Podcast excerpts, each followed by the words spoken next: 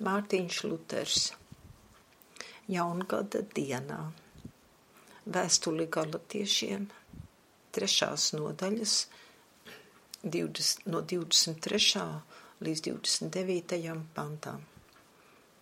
Bet pirms nāca ticība, mēs bijām turēti ieslēgti bauslības važās, līdz parādītos ticība, kurai bija jānāk. Tātad bauslība līdz Kristum ir bijusi mūsu audzinātāja, lai mēs ticībā kļūtu taisnoti. Bet, kad ticība ir nākusi, tad audzinātājai nav vairs varas pār mums. Jūs jau visi, ticēdami uz Jēzu Kristu, esat Dieva bērni, jo jūs visi, kas esat kristīti Kristus vārdā, esat terpušies Kristū Tur nav ne jūda, ne grieķa, nav ne kalpa, ne svabadā, tur nav ne vīra, ne sievas, jo jūs visi esat viens Kristū, bet kad jūs piedarat Kristum, tad jūs esat Ābrahāma dzimums, mantinieki pēc apsolījuma. Arī šī ir svēt svētajam Pāvilam ļoti raksturīga vēstule, kas runā par ticību un vēršas pret darbiem. Iepriekšējā vēstule ļauj mums to viegli saprast. Tas, kas tajā sacīts par kalpu, šeit attiecināms uz skolnieku. Svētais Pāvils rāda mums divas līdzības, lai mācītu, ko dara bauslība un kādēļ tā vajadzīga. Tā nu atkal jārunā par bauslību un tās darbiem, proti, ka pastāv divu veidu darbi. Vieni tiek uzspiesti ar soda draudiem vai izvilināti ar atalgojuma un gaidāmā labuma palīdzību. Otri darīti brīvi ar prieku, bez atlīdzības, bez bailēm no soda un tiekšanās pēc sava labuma, bet no tīras labvēlības un vēlēšanās darīt labu. Pirmie ir kalpu un mācekļu darbi, otrie ir bērna un brīva mantinieka darbi. Jo zēns, kas pakļauts audzinātājam, nedara to, ko grib, bet ir spiests darīt pēc sava meistara prāta baidīdamies no rīkstes. Neviens nevar zināt, kas slēpjas aiz šiem mācekļa darbiem, jo viņš tos dara, būdams meistara varā. Bet ja viņš būtu brīvs, kļūtu redzama viņa paša daba. Viņš darītu pats savus darbus, tādēļ darbi, kas tiek darīti nebrīvē, audzinātāja uzraudzībā nav viņa īstie darbi, tie drīzāk ir audzinātāja darbi, ko viņš savam audzēknim uzspiedis un no viņa pieprasījis. Jo, ja audzinātāja nebūtu, skolnieks nedarītu neko no tā, ko dara tagad, bet drīzāk gan rīkotos gluži pretēji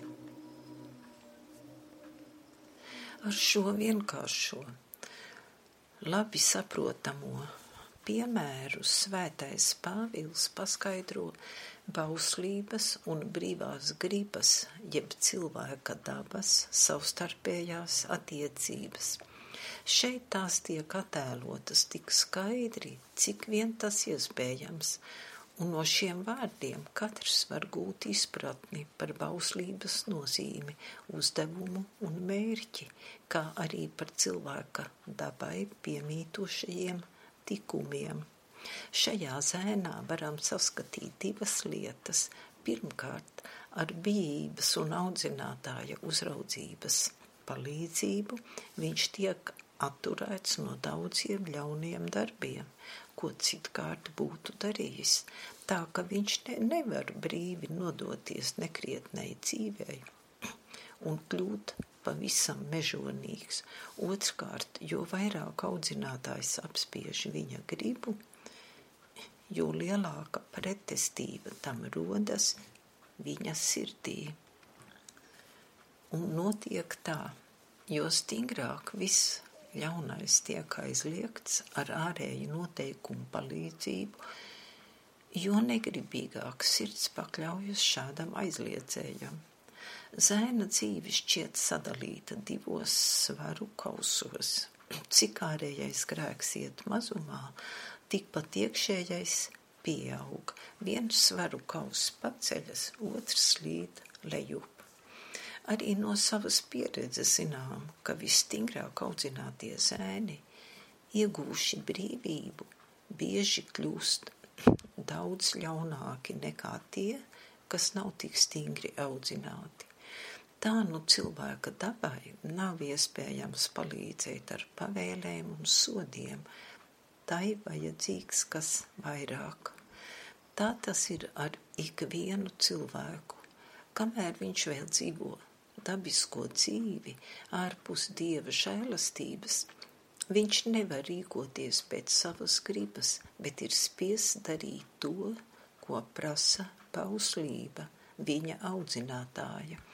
Un katram nākas atzīt, ja nebūtu elles un bauslība, nedraudētu ar sodu, neviens nedarītu neko labu.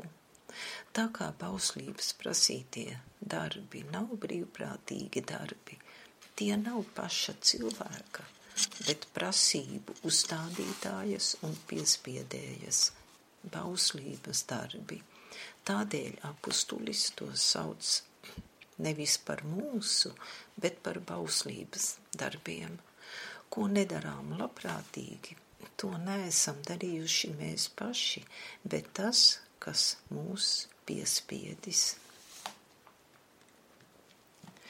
Gluži kā, ja kāds ar lielus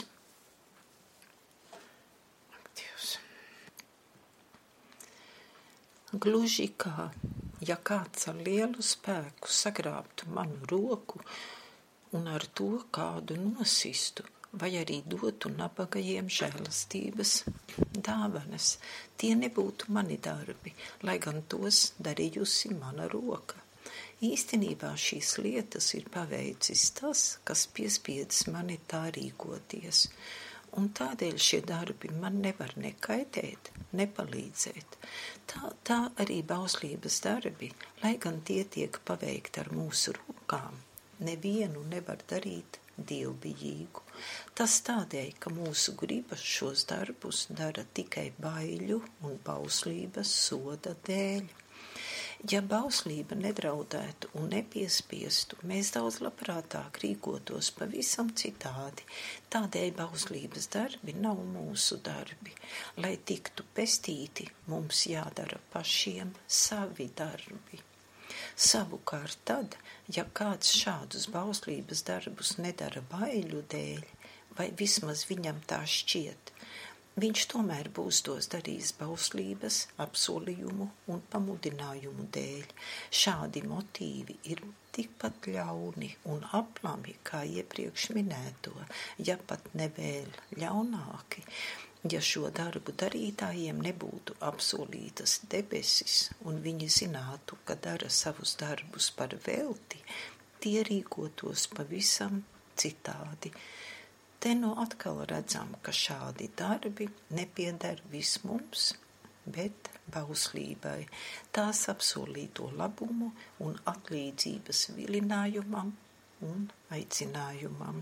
Šie darbi jāatzīst par bīstamākiem nekā iepriekšējie, jo tie ir daudz smalkāki un ļoti līdzīgi brīviem, godīgiem, prieka pilniem darbiem. Taču, kad cilvēkam jānes krusts, kad šie darbi netiek atzīti un tos nākas darīt bez atlīdzības, tikai dievam par godu un tuvākajam par labu, kļūst redzams, ka cilvēka daba šādās lietās ir bezspēcīga. Tā pati no sevis nedara nevienu labu darbu, bet tikai svešus pauslības darbus gluži kā nesaprātīgs dzīvnieks skrien un strādā, bailēs no sitieniem vai gribēdams nopelnīt barību. Beata, kā tev šķiet, cik daudz pie mums tagad būtu dievbijīgu cilvēku, ja viņi neredzētu gaidāmo kaunu, sodu, elli vai debesis? Nebūtu vairs itin neviena dievbijīga. Ļaudis savā dzīvē dara labu baiļu vai atlīdzības dēļ. Tādēļ bauslības darbi ir viena vienīga aplamība un meli, kā raksti saka, visi cilvēki ir meļi. 116. psalms, 11. pants. Šīs divas lietas saskatām visos cilvēkos. Pirmkārt, viņi ar audzinātājas bauslības palīdzību tiek atturēti no kaunpilnas, pārgalvīgas, mežonīgas dzīves. Viņi savalda sevi un ievēro bauslības darbu likumus, dzīvodami ārēji godājamu dzīvi. Otra lieta - iekšēji savā sirdīs šādi cilvēki kļūst patiesi naidīgi pret bauslību un tās sodiem jo bargāks sots viņus apdraud, jo naidīgāki tie kļūst.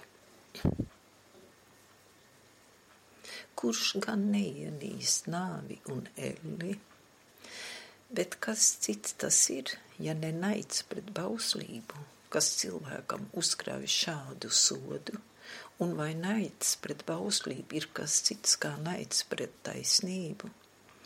Bet kas ir naids pret taisnību, ja ne naids pret pašu dievu, no tā visa kļūst skaidrs, ka mēs nevien esam netaisni, bet ienīstam taisnību, mīlam grēku un ar visu savu sirdi esam naidīgi pret dievu.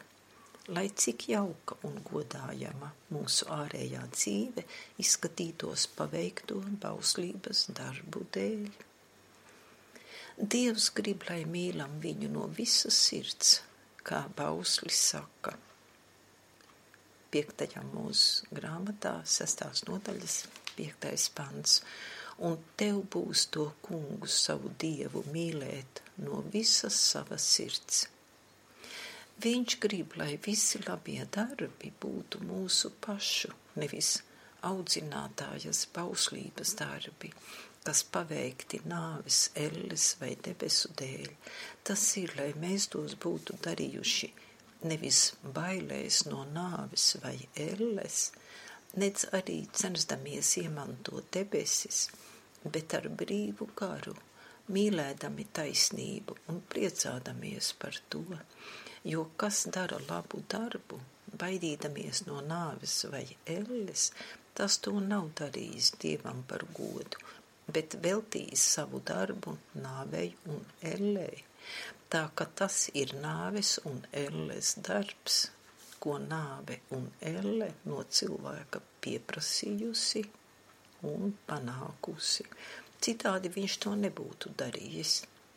Tā nu šāds labo darbu darītājs paliek nāves un elles kalps ar visiem saviem darbiem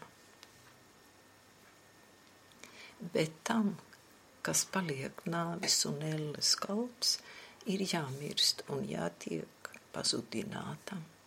Ar viņu notiek tā, kā mēdz sacīt, kas bīstas no elles, tas tajā nokļūst. Tāpat arī nāves priekšā drebēšana nevienam nepalīdz. Tu saki, kas tad nu iznāk? kurš var tapt pestīts, vai tad kāds ir brīvs no šādām bailēm un drebēšanas nāvis un elles priekšā?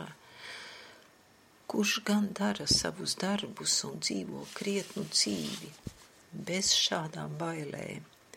Es atbildēšu, vai tas, kas slēpj savā sirdī tādas bailes un naidu pret dieva bauslību un viņa taisnību, var dievu mīlēt Kur tad nu paliek cilvēka daba, kur brīvā griba? Tomēr tu negribi ticēt tam, cik nepieciešama ir dieva žēlastība. Tu negribi atzīt, ka visu cilvēku dzīve ir tikai grēks, aplamība un meli.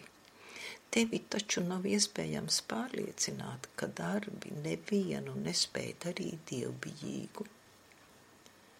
Te tu redzi, kādēļ bauslība ir laba un vajadzīga, un ko Dievs ar to vēlas panākt, proti divas lietas.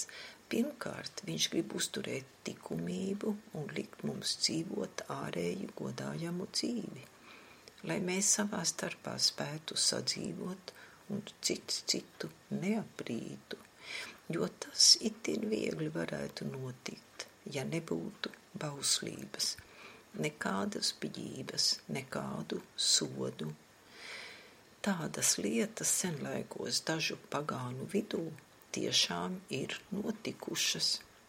Šā paša iemesla dēļ Dievs arī jaunajā derībā nav gribējis atcelt laicīgo varu. Jā, viņš to ir apstiprinājis, lai gan pats šādu varu nav izmantojis, un viņa ļaudīm tā nav nepieciešama. Taču laicīgā vara ir vajadzīga lai novērstu pārgalvīgu, mežonīgu dzīvi, lai ļaudis dzīvotu mierā un varētu sevi uzturēt un vairoties, citādi visas zemes tiktu izpostītas, tās būtu laupītāju un slepkamu pilnas, tā ka neviena sieva, neviens bērns nepaglābtos no ļaundariem. Bet ar laicīgās varas zobena un likuma palīdzību cilvēki tiek pasargāti un ir spiesti dzīvot klusu, mierīgu, godājamu dzīvi. Tomēr ar to viņi nekļūst dievbiģīgi. Viņu sirdis netop labākas, tikai rokas ir sasaistītas un savaldītas, tā ka viņu darbi, jeb taisnība, nav viņu pašu bet zobena, kas šādas lietas no viņiem pieprasa un ar savu sodu un draudiem viņos paveic. Tā arī dieva bauslība ar bailēm no nāves un elles piespiež mūs atteikties no daudzām ļaunām lietām, kā mūsu audzinātāja tā uztur mūs ārēji godājamā dzīvē Tomēr ar šādu dzīvi neviens nekļūst dievbijīgs un taisnots Dieva priekšā. Cilvēka sirds joprojām paliek naidīga pret šo audzinātāju un ienīst tās uzlikto sodu, vēlēdamās kļūt brīva. Otrkārt, Dievs grib, lai cilvēks no bauslības mācītos, cik aplama un netaisna ir viņa sirds, cik tālu viņš vēl ir no dieva, cik nicināma ir cilvēka daba, lai viņš nelepotos ar savu godājamo dzīvi, bet atzītu, ka tā nav nenieka vērta un nespēja piepildīt bauslību. Tā cilvēkam jāiemācās pazemība, un jāsteidzas pie krusta, lai piesauktu Kristu un dedzīgi lūgtu pēc viņa žēlastības, necerot uz sevi, bet vienīgi uz Kristu. Tad viņš dod cilvēkam jaunu, citādu garu, kas pārvērš sirdi, lai tā vairs nebaidītos ne no nāves, ne elles, necenstos nopelnīt ne dzīvību, ne debesis, bet brīvi, labprātīgi. Tad viņš dod cilvēkam jaunu, citādu garu, kas pārvērš sirdi, lai tā vairs nebaidītos ne no nāvis, ne elles, necenstos nopelnīt ne dzīvību, ne debesis, bet brīvi, labprātīgi un bez atlīdzības pakļautos bauslības prasībām, dzīvojot ar drošu un mierīgu sirdsapziņu, vienalga, vai nāktos dzīvot vai mirt, it, itin kā elle debesis un visas lietas, tai būtu vienlīdz labas. Vēstulē ebrejiem otrās nodaļas 15. pantā apustulis saka, Kristus ir atsabinājis mūs, kas nāves baiļu dēļ visu mūžu bijām verdzībā, Tā viņš skaidri rāda, ka mums jākļūst brīviem no nāves bailēm, un ka visi, kas dzīvo nāves bailēs, ir vergi, kas nekad neiemanto pestīšanu. Bet no šīm bailēm mūs nevar atbrīvot ne mūsu daba, ne bauslība. Jā, tās abas tikai vairo bailes. Vienīgi Kristus mūs no tām ir atbrīvojis. Ja mēs viņam ticam, Viņš mums dod brīvu, bezbailīgu garu, kas nebīstas ne nāves, ne elles, nemeklē ne dzīvību, ne debesis, bet brīvi un svētīgi kalpo Dievam. Šeit redzam pirmkārt to, cik bīstamas ir mācības, kas liek cilvēkiem domāt, ka ar likumu un bauslības palīdzību viņi kļūs dievbijīgi Ar šādām mācībām ļaudis tiek vesti ar vien tālāk projām no Dieva, no Kristus, jā, arī no bauslības un taisnības. Tās tikai padara sirdsapziņu bailīgu, nedrošu, šaubīgu un nožēlojamu, māca baidīties no nāvis un elles, līdz sirds ir pilnīgi izmisusi, tā ka cilvēks galu galā kļūst par īstu velna mocekli. Otrkārt redzam, ka bauslībai ir trejāts pielietojums, jeb kā cilvēks pret to izturas trijos, jeb kā cilvēks pret to izturas trijos dažādos veidos. Pirmie to atstāja pilnīgi neievērot un brīvi rīkojas pretēji bauslības prasībām. Tie dzīvo it kā bauslības nebūtu. Otros bauslība attur no šādas izlaidīgas dzīves un liek tiem dzīvot godīgi. Tā viņi ārēji paklausa audzinātājai, bauslībai, iekšēji kļūdami tai naidīgi. Viņi visu dara bailēs no nāves un elles. Tā viņi ievēro bauslību tikai ārēji, un arī bauslība viņus savalda ārēji. Turpretī iekšēji viņi neturas pie bauslības prasībām, un tā iekšēji viņus nesaista. Trešie ievēro bauslību kā ārēji, tā iekšēji. Viņi ir kā mūzes bauslības plāksnes, uz kurām no ārpuses un iekšpuses rakstījis paša dieva pirksts. Tā nu pirmie nav dievbijīgi ne ārēji, ne iekšēji, Savukārt otrie, būdami ārēji dievbijīgi, sirdī nav dievbijīgi, bet trešie ir labi caur caurēm. Par to runā svētais Pāvils pirmajā vēstulē Timotejam, pirmās nodaļas astotajā pantā, sacīdams, bet mēs zinām, ka bauslība ir laba, ja lieto to pareizi. Bet kā tad bauslība pareizi jālieto? Atbilde. Ir jāzina, ka bauslība nav dota taisnām, bet netaisniem un nepaklausīgiem.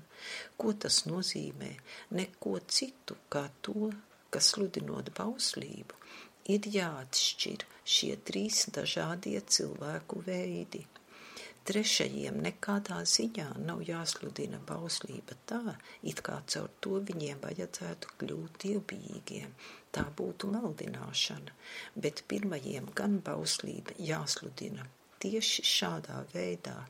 Viņiem tā ir dota, lai tie atstātu savu pārgalvīgo dzīvi un ļautu, lai audzinātāja viņus pasargā. Taču ar to vien nepietiek, ka viņi tiek sargāti un uzturēti bauslības varā. Viņiem ir jāmācās ievērot bauslības prasības. Te nu vairāk un pāri par bauslības pasludinājumu ir jātiek sludinātam evaņģēlijam, kurā tiek sniegta Kristus žēlastība bauslības pildīšanai. Tā nu turēt, ja ievērot bauslību, ir pavisam kas cits nekā būt bauslības uzturētam un pasargātam. Pirmie neievēro bauslību un netiek pasargāti, otrie un trešie tiek pasargāti. Šie trīs bauslības pielietojuma veidi iezīmējas mūsu darbos. Pirmkārt, viņš salauza plāksnes. Otrās mūzes grāmatas 32. nodaļas 19. pants, kad jūdi pielūdza teļu Tas, ka plāksnes tika salauztas un nenonāca līdz jūdu tautai, norāda uz pirmajiem nominētajiem triju veidu cilvēkiem, uz tiem, kas bauslību neuzņem un nedomādami to salauž. Otrkārt, kad Mūzes nonesa plāksnes tautai, otrā mūzes grāmata, 34. 4. nodaļa, no 30. līdz 33. pantam. Viņa vaigs bija tik spožs, ka Ārons un visi Izrēla ļaudis nespēja raudzīties tā mirdzumā. Mūzum nācās aizsegt savu seju, runājot ar ļaudīm. Tas norāda uz otrajiem tiem, kas bauslību uzņem, taču ievērot to tikai ārēji. Iekšēji tā viņiem ir pārāk spoža, viņi no tās bīstas. Tādēļ lieguļi darina sev aizsegu, kā svētais Pāvils paskaidro otrajā vēstulē korintiešiem, trešās nodaļas no 13. līdz 15. pantam pārgalvīgo paļaušanos uz saviem darbiem un ārēju svētumu. Viņi negrib raudzīties bauslībai tieši acīs un atzīt, ka viņu pašu taisnība nav pilnīgi nekas. Tā nu apsaks paliek pār viņu sirdīm līdz pat šai dienai, kā saka svētais Pāvils. Arī Mūzus savu tautu neveda tālāk kā līdz Jordānas upei. Viņš nonāvēja tikai divus ķēniņus - Sihonu un Ogu.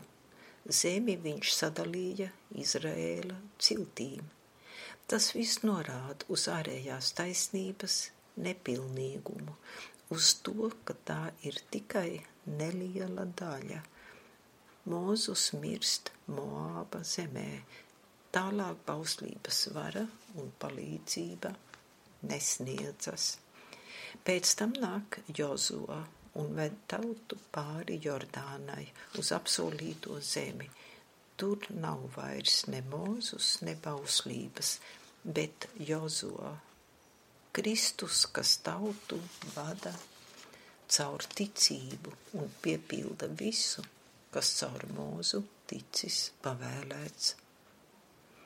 Šī tauta ir tie, kam, kā svētais Pāvils saka, nav dota nekāda bauslība, kas kļūst dievbijīgi ne ar darbiem, bet no žēlastības. Tas ir tie, kas dara labu bez bauslības spaidiem. Te mūzus vairs nav Es domāju, ka viss sacītais ļauj mums itin labi saprast, ko svētais Pāvils raksta šajā vēstulē. Aplūkosim to. Bet pirms nāca ticība, mēs bijām turēti ieslēgti bauslības važās, līdz parādītos ticība, kurai bija jānāk. Apustulis neapgalvo, ka pirms nākusi ticība mēs būtu bijuši dievbijīgi un pildījuši bauslības prasības. Gluži otrādi, bauslība ir turējusi mūs, mēs tajā bijām ieslēgti un pasargāti, lai neizkļūtu brīvībā un nekļūtu pārgalvīgi, nododamies savam ļaunumam. Tomēr bauslības važās ieslēgti, paši vēl nebijām dievbijīgi. Mēs bijām ieslēgti ne tādēļ, lai tādi paliktu, tas bija darīts nākamās ticības dēļ, tai vajadzēja mūs darīt brīvus, nevis dot brīvību darīt ļaunu. Bauslība taču mūs saistīja tieši tādēļ, lai mēs to nedarītu, bet brīvību darīt labo, to, ko agrāk bauslība bija uzspiedusi. Bauslības spaidi un važas mums māca tiekties pēc šīs ticības un atzīt, ka mūsu cilvēciskā daba vēršas uz ļaunu. Šī atbrīvošana ir garīga un atbrīvot tikai sirdi. Tā, ja kāds kungs tevi turētu ieslodzītu cietumā, kur tu ne par ko negribētu atrasties, tu varētu atgūt brīvību divos veidos. Pirmkārt, miesīgi, ja kungs nojauktu cietumu un ļautu tev iet, kur gribi. Otrkārt, ja viņš tev turpat cietumā darītu tik daudz labā, ka ieslodzījuma vieta tev kļūtu jauka, gaiša, plaša un tik bagātīgi izrotāta, ka pat ķēniņa valsts un istabas nebūtu tik brīnišķīgas. Tā viņš būtu mainījis tavas domas, un tu pat visu pasaules labumu dēļ vairs negribētu nākt ārā no cietuma, bet lūgtu, lai vari tur palikt, un lai šis cietums nezūd un nemainās. Tad jau cietums nav vairs cietums, tev tas ir kļuvis par paradīzi. Saki man, kurš atbrīvošanas veids ir labāks? Vai nav tā, ka labāks ir šis garīgais, miesīgi atbrīvots, tu tā arī paliec nožēlojams ubaks, bet šeit iegūsti brīvu prātu un visu, ko vien vēlies. Redzi, tā Kristus mūs atbrīvojas no bauslības garīgā veidā. Viņš nav iznīcinājis, nec atcēlis bauslību, bet pārvērtis mūsu sirdis, kas nelabprāt pakļāvās bauslībai, Viņš darīs mums tik daudz laba, ka bauslība kļuvusi patīkama.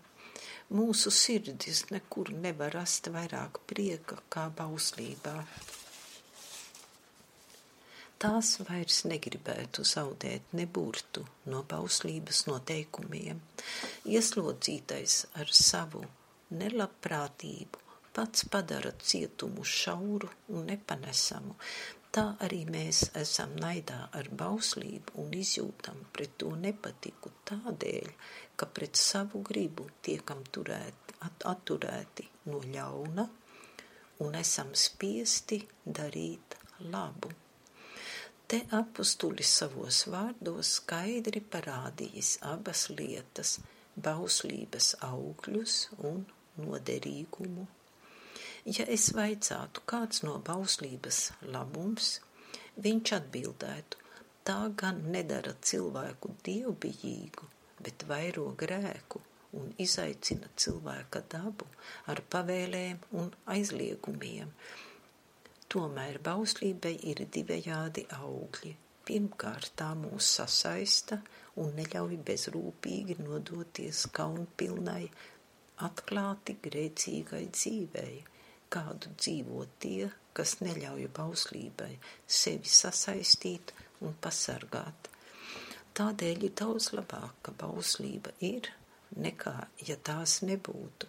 Kā tad citādi mēs varētu glābties cits no cita? Arī svētais Pāvils vēstulē romiešiem 13. nodaļas 4. pantā māca, ka laicīgā vara nes zobenu, lai no tās bītos ne dievbijīgie, bet tie, kas dara ļaunu.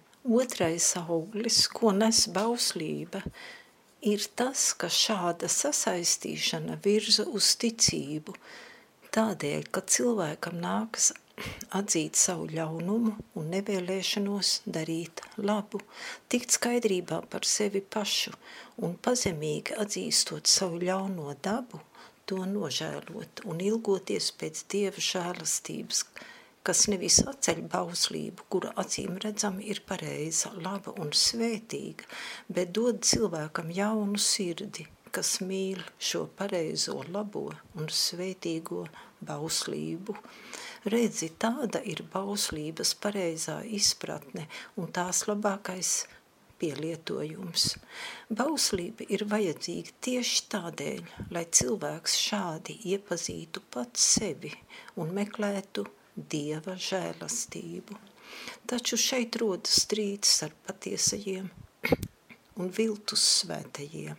Viltus svētie negrib iet tālāk par pirmo bauslības pielietojuma veidu.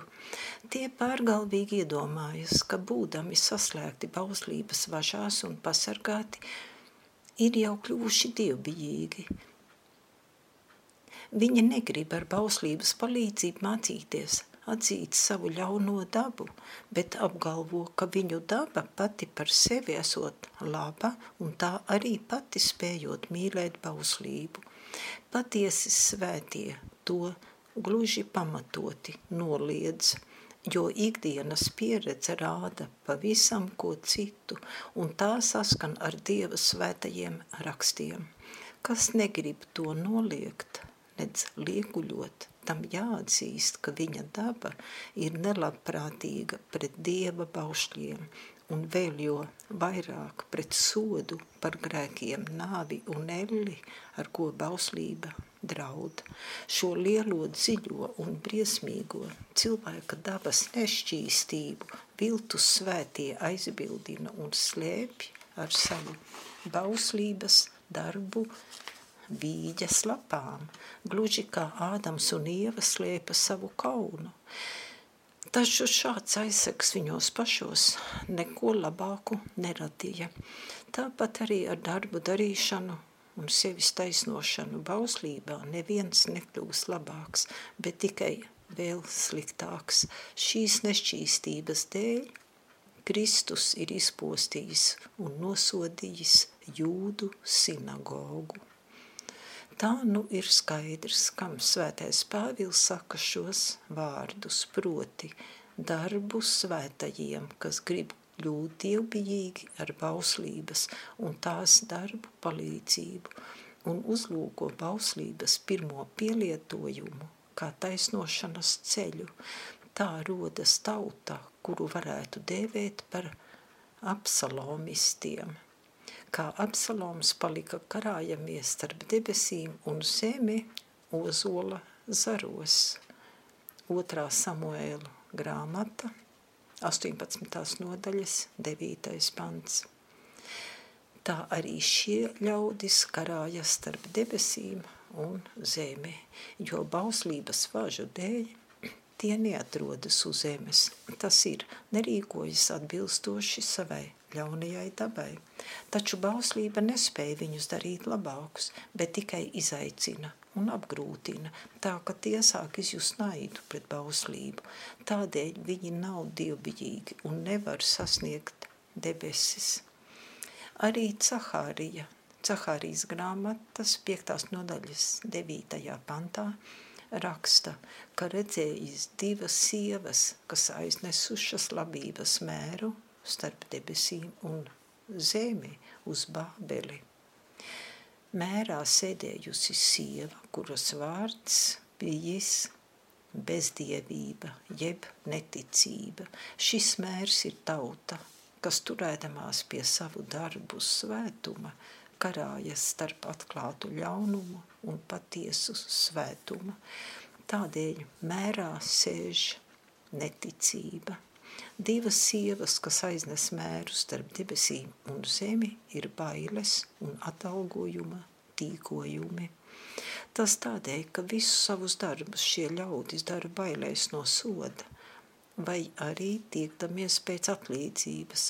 Šīs divas lietas paceļ, nes un tur viņus šajā viltus svētumā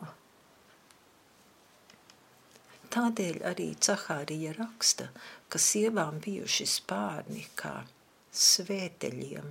Spārni svētaļos rakstos apzīmē sludināšanu, tāpat tā, tāpēc, ka vārdi lido un steidzas. Tā nu visu šo svēto sludināšana nāk tikai no bailēm. un atalgojuma kāres. Tie vēlas darīt ļaudis dievbijīgus tikai ar iebiedēšanu un vilināšanu. Tas dara viņus vēl sliktākus. Šo baiļu dēļ viņi kļūst vēl naidīgāki pret bauslību, un vilināšana liek tiem tiekties pēc sava labuma vēl dedzīgāk nekā iepriekš.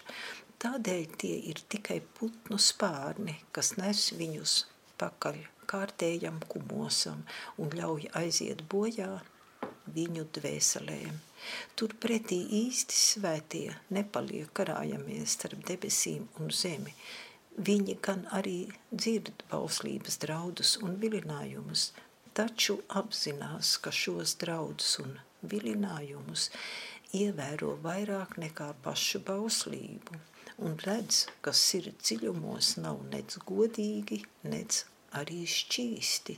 Tas liek viņiem mesties ceļos un grēksūdzē saukt.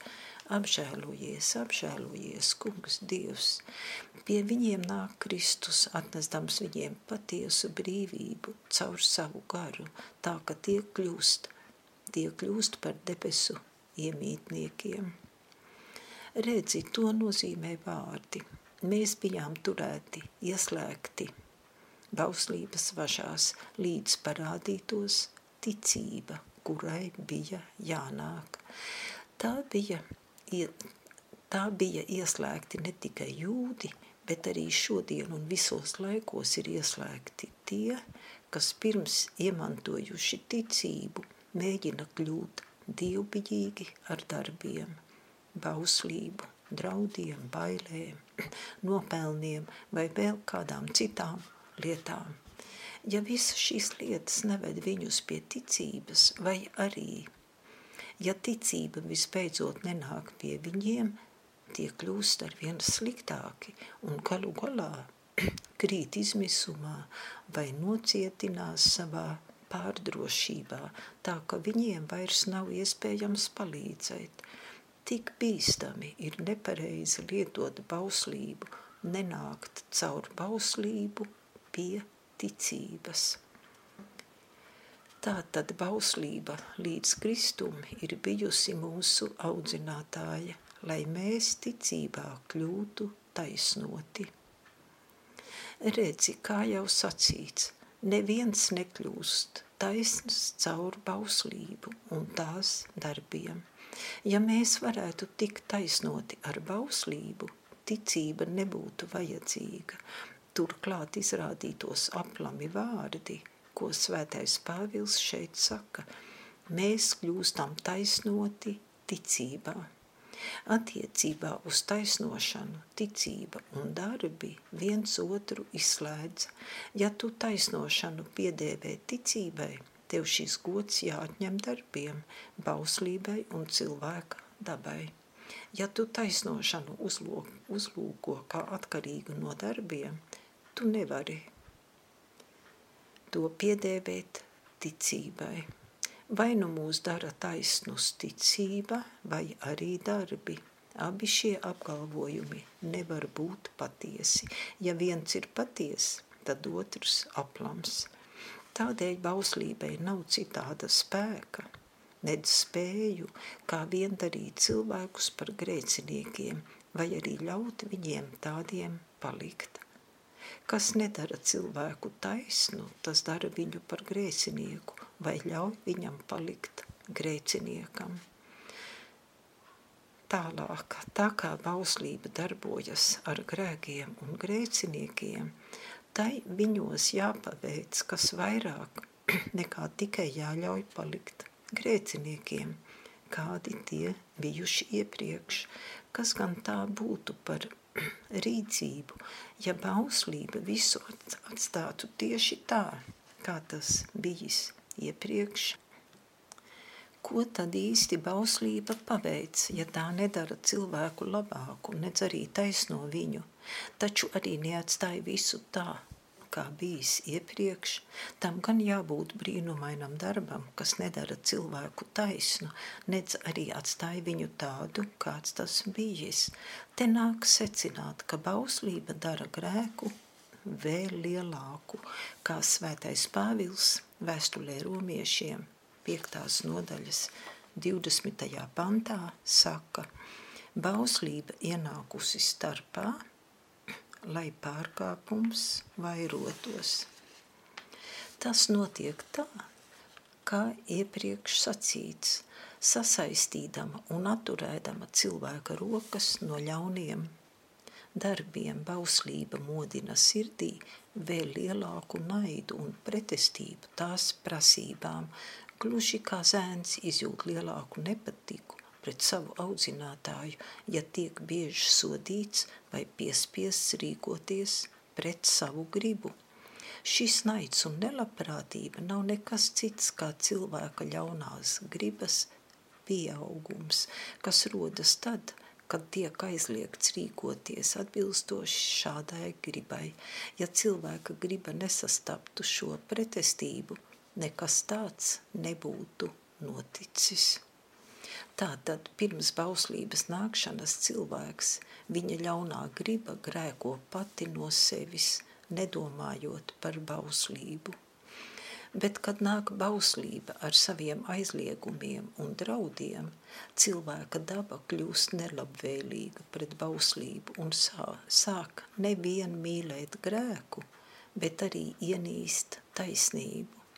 Redzi, tāds ir bauslības darbs attiecībā uz grēcinieku un grēku.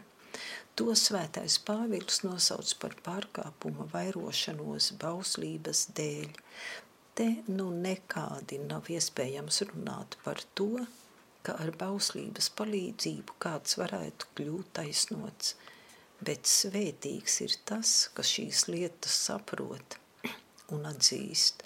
Darbu svētie tās nesaprot. Tie noraida domu, ka cilvēka dabai piemīt šāds ļaunums un naids pret bauslību. Viņi tajā atrod daudz laba – Tādēļ šādi ļaudis nesaprot nebūtu svētā Pāvila vēstulēs, kur apustulis ar vienu runā par bauslību pavisam citādi. Ja būsim godīgi, tādu pašu liecību atradīsim arī savā sirdī. Apustulis saka, līdz kristum vai bauslība līdz kristum ir bijusi mūsu audzinātāja lai neviens nedomātu pieņemt kādu citu ticību, kā vien ticību Kristumu. Bauslība sniedzas līdz Ābrahāma pēcnācējam, Kristum, kam kopš pašiem pirmsākumiem ticējuši visi svētie, kā sacīts iepriekšējā vēstulē. Tādēļ turkiem un jūdiem viņu ticība dievam, kas radījis debesis un zemi, neko nevar palīdzēt – kas netic Kristum, tas arī netic Dievam. Un pat tad, ja Kristus nebūtu Dievs, kas gan, protams, nav iespējams, viņi tomēr nebūtu ticējuši Dievam, ja netic Kristum. Jo Dievs ir apsolījis savu žēlastību Ābrahāma pēcnācējā. Un šis pēcnācējs ir Kristus, to atzīst gan jūdi, gan turki gan arī visa pasaule. Tādēļ, kas netic Kristum, tas netic arī Dieva apsolījumiem. Tādēļ šāds cilvēks netic arī Dievam, kas radījis debesis un zemi. Tas tādēļ, ka tas nav kā cits Dievs, kas devis apsolījumu Ābrahāmam, tāpat Dieva svētība un ticība ir nākusi un pasludināta visā pasaulē, tikai un vienīgi šā Ābrahāma pēcnācēja Kristus vārdā.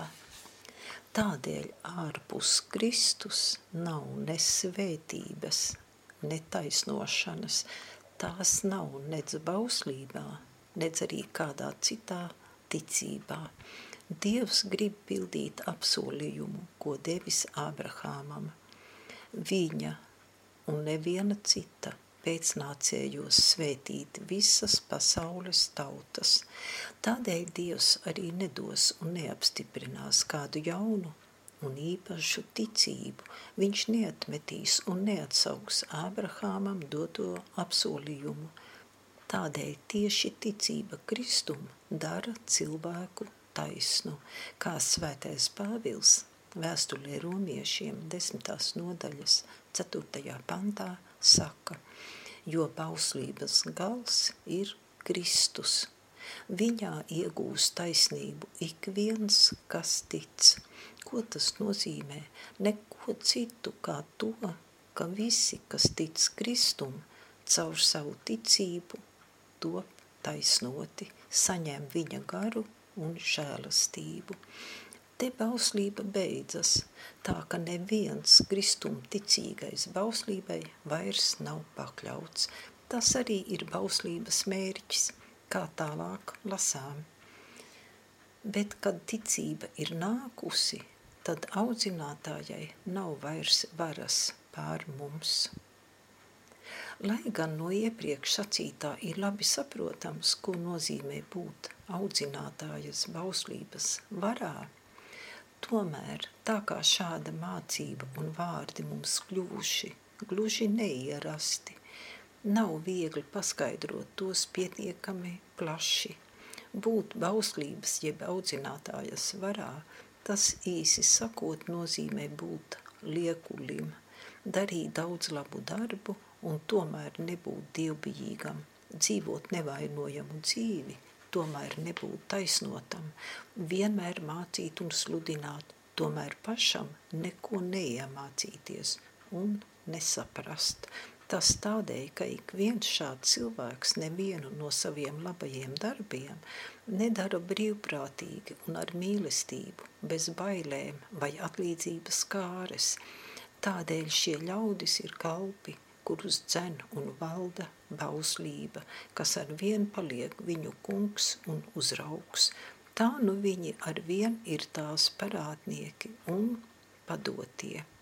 Bauslība prasa brīvu, priecīgu un labprātīgu gribu, bet tās viņiem nav. Un cilvēkam pašam no sevis tās arī nevar būt.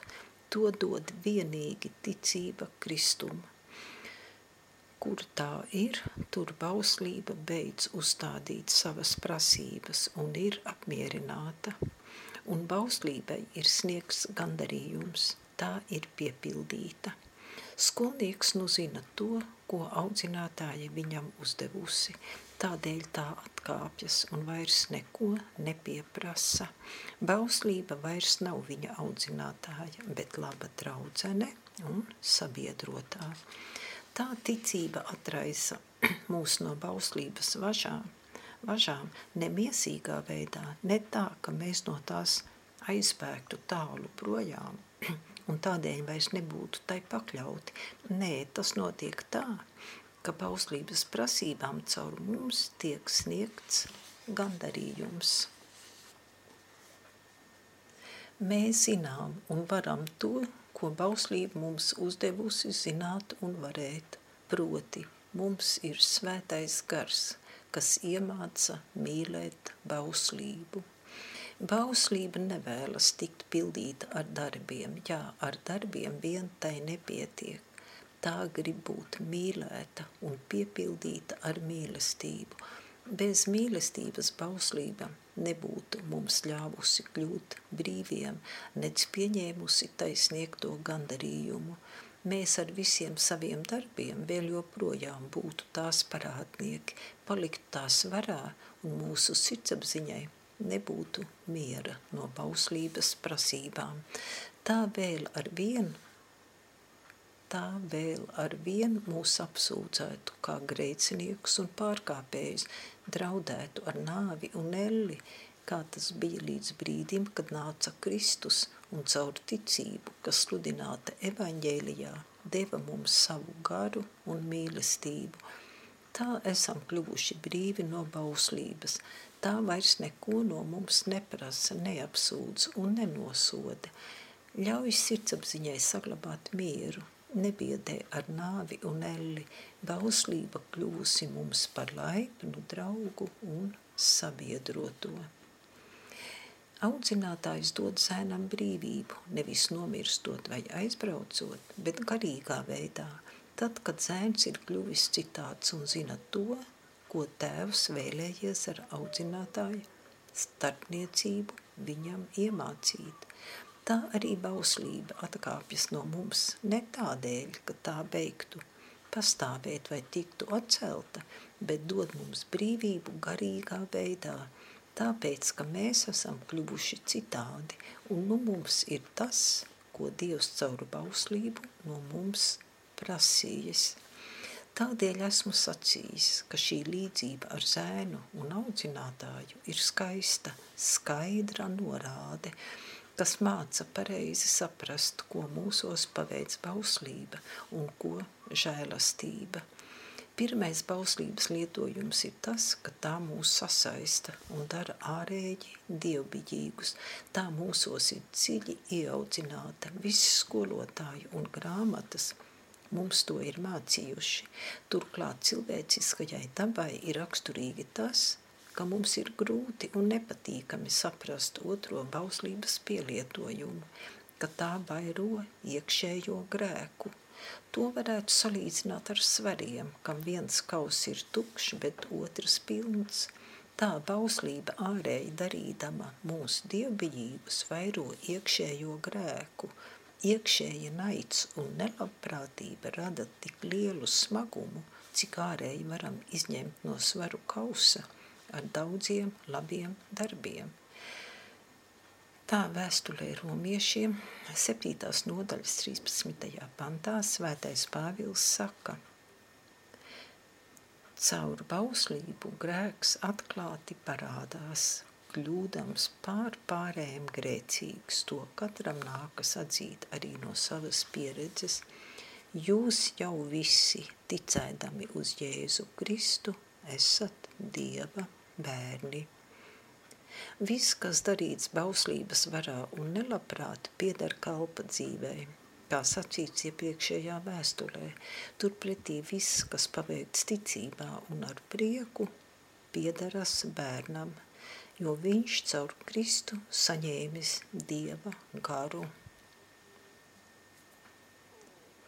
Bet apustulis norāda uz Kristu un runā par tādu ticību, kas turas un paliek Jēzu Kristu. Nekāda cita ticība nav pareiza un pietiekama, lai arī cik dažādos veidos cilvēki ticētu Dievam. Ir daži, īpaši jauno augsto skolas vīru vidū, kas apgalvo, ka grēku piedošana un taisnošana žēlastībā esot pilnīgi atkarīga no dievišķās. Tas ir no tā, no dievišķās gribas, tas ir no tā, vai Dievs cilvēkam pielīdzina vai nepielīdzina viņa grēkus. Tikai tas vien nosakot, vai viņš tiks vai netiks attaisnots kā 32. psalma 2. pantā un vēstulē romiešiem 4. nodaļas no 7. līdz 8. pantam, viņiem šķiet sakām vārdos svētīgs tas cilvēks, kam tas kungs nepielīdzina viņa grēku. Ja tā būtu, visa jaunā derība kļūtu nevajadzīga un veltīga. Kristus ciesdams par mūsu grēkiem būtu paveicis muļķīgu un nevajadzīgu darbu. Arī pats Dievs ar šādu rīcību būtu tikai bez vajadzības ākstījies, ja jau ar, arī bez Kristus ciešanām grēki varētu tikt piedoti un netikt pielīdzināti. Tad arī citāda ticība ne tikai ticība Kristum varētu cilvēku taisnot un atpestīt, proti vajadzētu tikai paļauties uz šādu Dieva žēlsirdību, ka mūsu grēki netiks mums pielīdzināti. Šai briesmīgajai, aplamajai izpratnei un maldiem svētais apustulis stājas pretī ar vienu saistīdams ticību pie Jēzus Kristus – un tik daudz reižu pieminēdams Jēzu Kristu, ka ir jābrīnās, kam gan šie svarīgie pamatojumi vēl nebūtu zināmi. Varētu sacīt, vairāk par visiem citiem vārdiem svētā Pāvila vēstulē sastopams Jēzus Kristus vārds. Jā, viņa vēstulēs ir tikai Jēzus Kristus, bet pagāniskie skolotāji mums šo vārdu ir tik noziedzīgi izdeldējuši – un noklusējuši, mācīdami savus pazudinošos, šausmīgos un elišķīgos mūrgus. Tādēļ arī mūsu mācītie vīri augstajās skolās nezina, kas ir Kristus un kā labi viņš mums ir vajadzīgs.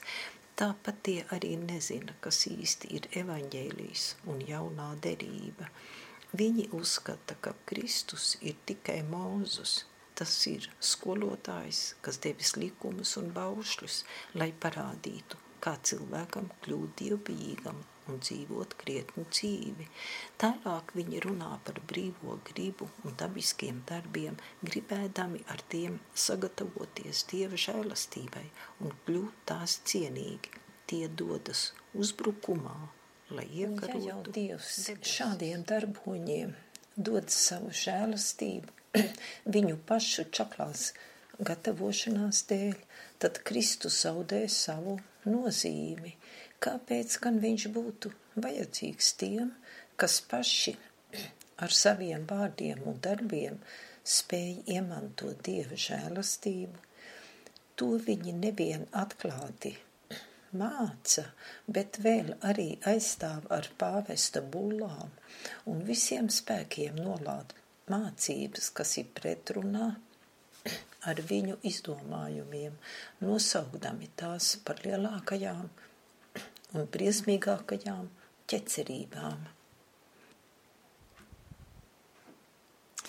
Tādēļ esmu brīdinājis un brīdinu ikvienu. Ziniet, ka pāvests līdz ar savām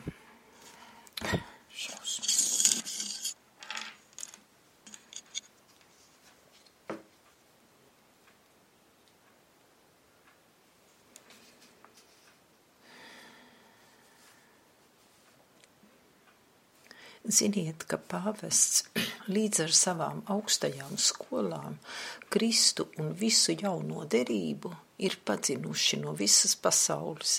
Tālāk nāk. Tālāk nekā jūdi un turki. Tādēļ pāvests ir īsts antikrists un augstās skolas paša vēlna krogi un netikļu nami. Kam gan vajadzīgs Kristus, ja Dieva žēlastība varu ja dieva žēlastību varu iemantot pats ar savu gatavošanos, vai arī kas vēl man būtu vajadzīgs, ja esmu jau saņēmis dieva žēlastību. Tādēļ sargāsimies no šādas elišķīgas indes un nepazaudēsim Kristu pestītāju, mīdinātāju. Kristus ir svarīgāks par visām lietām ir patiesi. Ir patiesi 36. 32. psalma, 2. pantā un svētā Pāvila vēstulē romiešiem 4. nodaļas 8. pantā sacītie vārdi Svētīgs ir tas, kam Dievs nepielīdzina viņa grēkus, taču svētais Pāvils paskaidro, ka šāda dievišķa nepielīdzināšana notiek tikai tiem, kas tic Kristum. Tā nenotiek brīvās gribas vai cilvēka dabas paveikto darbu dēļ. Apustulis norāda uz Ābrahāmu. Viņam ticība Dieva apsolījumam tika pielīdzināta par taisnību, lai gan Dievs tikai no savas tīrās žēlastības nepielīdzina mums mūsu grēkus, tomēr viņš tā nebūtu gribējis rīkoties, ja viņa bauslībai un tās taisnībai nebūtu sniegts pilnīgs gandarījums šo žēlastības pilno grēku nepielīdzināšanu mūsu labā bija jāatlīdzina un jāiegūst Kristumu.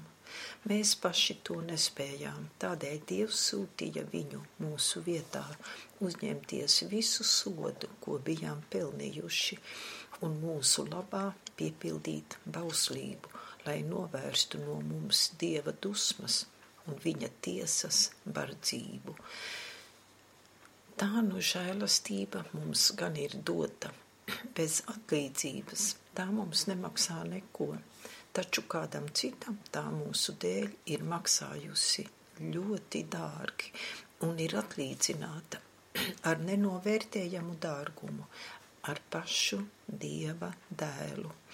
Tādēļ viņš mums ir nepieciešams vairāk par visām lietām.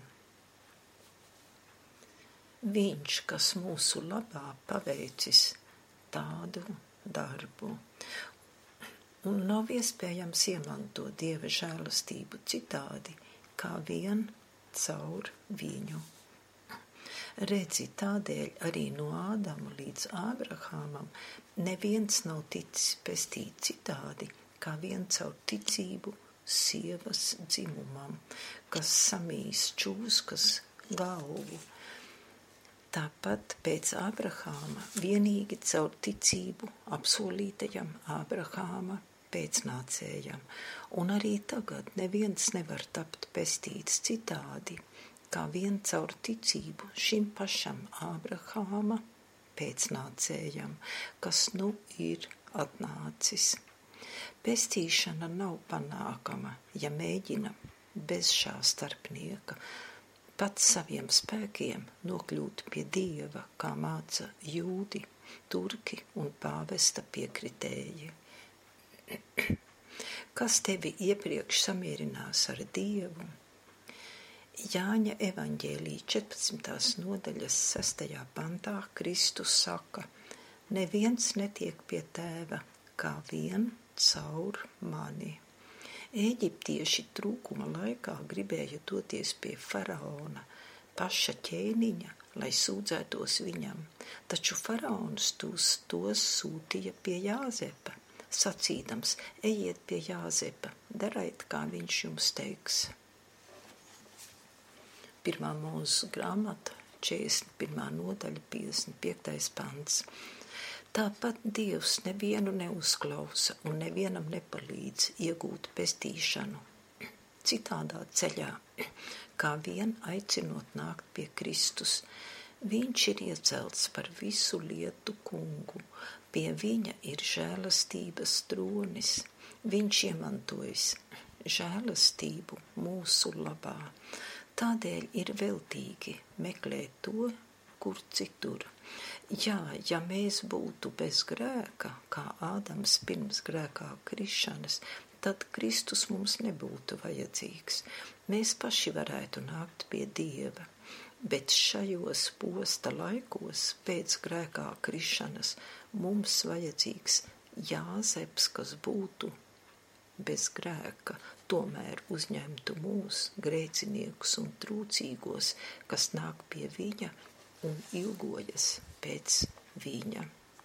No tā varam secināt, ka pāvesta ļaudis par cilvēka dabu runā un tic tā, it kā tā vēl joprojām nebūtu samaitāta, tāda, kā tā, kāda tā bijusi pirms Ādama grēkā krišanas.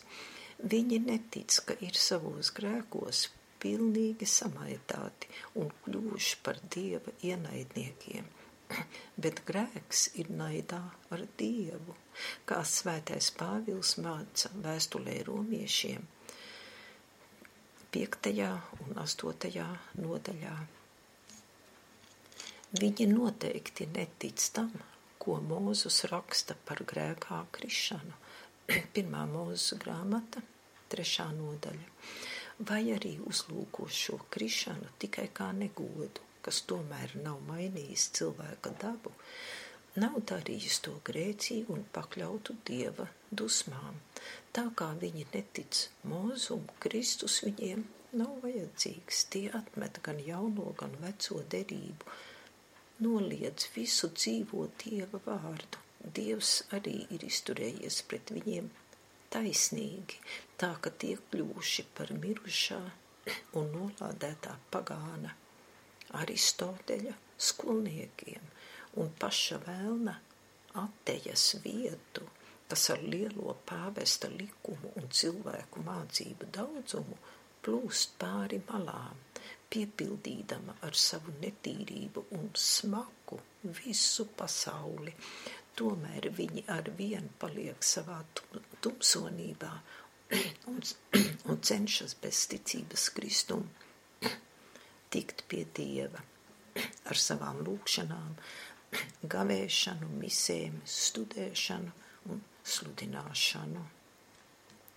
Lai arī tie piesauc Kristus vārdu un apliecina viņu, tomēr viņu izpratne ir tāda, ka Dievs Kristus personā devis viņiem tādu kungu, kam viņiem jārāda, jāparāda sava paklausība Dievam un jāizturas pret viņu kā pret kungu, citādi gan brīvā griba ar savu dabisko centību, itin labi varētu iemantot Dieva žēlastību arī bez Kristus varas. Tā Kristus valstība viņiem kļūsi par mazsvarīgu lietu. Tiem šķiet, ka Dievs vienkārši ir blēņojies, likdams godāt Kristu kā kungu, radīdams it kā vēl vienu ķēniņu valsts varu, kam cilvēkam jāpakļaujas. Tie netic, ka šāda valstība ir nepieciešama mūsu pestīšanai un ka bez tās neviens nevar tikt pestīts, bet domā, ka vienīgi Dieva griba un pavēle prasa paklausību šim ķēniņam. Tā nu Kristus Tā nu Kristus viņu sirdīs ir nevis pestītājs, bet tirāns un uzraugs, kas nebūtu nav nepieciešams cilvēku dabai, lai tā iemantotu pestīšanu, bet rada tikai liekas grūtības tādēļ, ka nu tai ir jāpakļaujas nevien Dievam, kā tas bijis agrāk, bet arī jāklausa Kristum kā kungam un jāpilda viņa pavēles. Jau senlaikos daudzi ir sludinājuši, ka antikristam atnākot ķeceru bari pārpludinās visu pasauli. Tas tagad pāvesta un turku valdīšanas laikā notiek pilnā sparā, jo ja Kristus līdz ar visiem svētajiem rakstiem tiek atmests un nolādēts, tā ka no viņa nav palicis pāri nekas vairāk kā tikai vārds, ir viegli pierādīt, ka visas ķecerības, kādas vien pastāvējušas kopš pasaules pirmsākumiem, visi maldi un tumsonība tagad iegūst tādu varu, ka mani bieži pārņem bažas. Šajos laikos visi cilvēki ir zem lāsta, izņemot vienīgi tos, kas nomirst vēl šūpulī un neviens neatzīs, neraud un nesūdzas par briesmīgajām dieva dusmām, kas pār mums ir nākušas. Redzi, tāds ir iemesls un nepieciešamība, kuras dēļ svētais Pāvils ar vienu saista ticību pie Kristus. Viņš ir skaidri paredzējis šādu indīgu mācību rašanos nākotnē, visus pārdrošos mēģinājumus sastapties ar Dievu bez Kristus starpniecības, it kā Dievs un mūsu daba būtu labi draugi, it kā taisnība varētu mīlēt grēku un uzklausīt grēka vēlmes.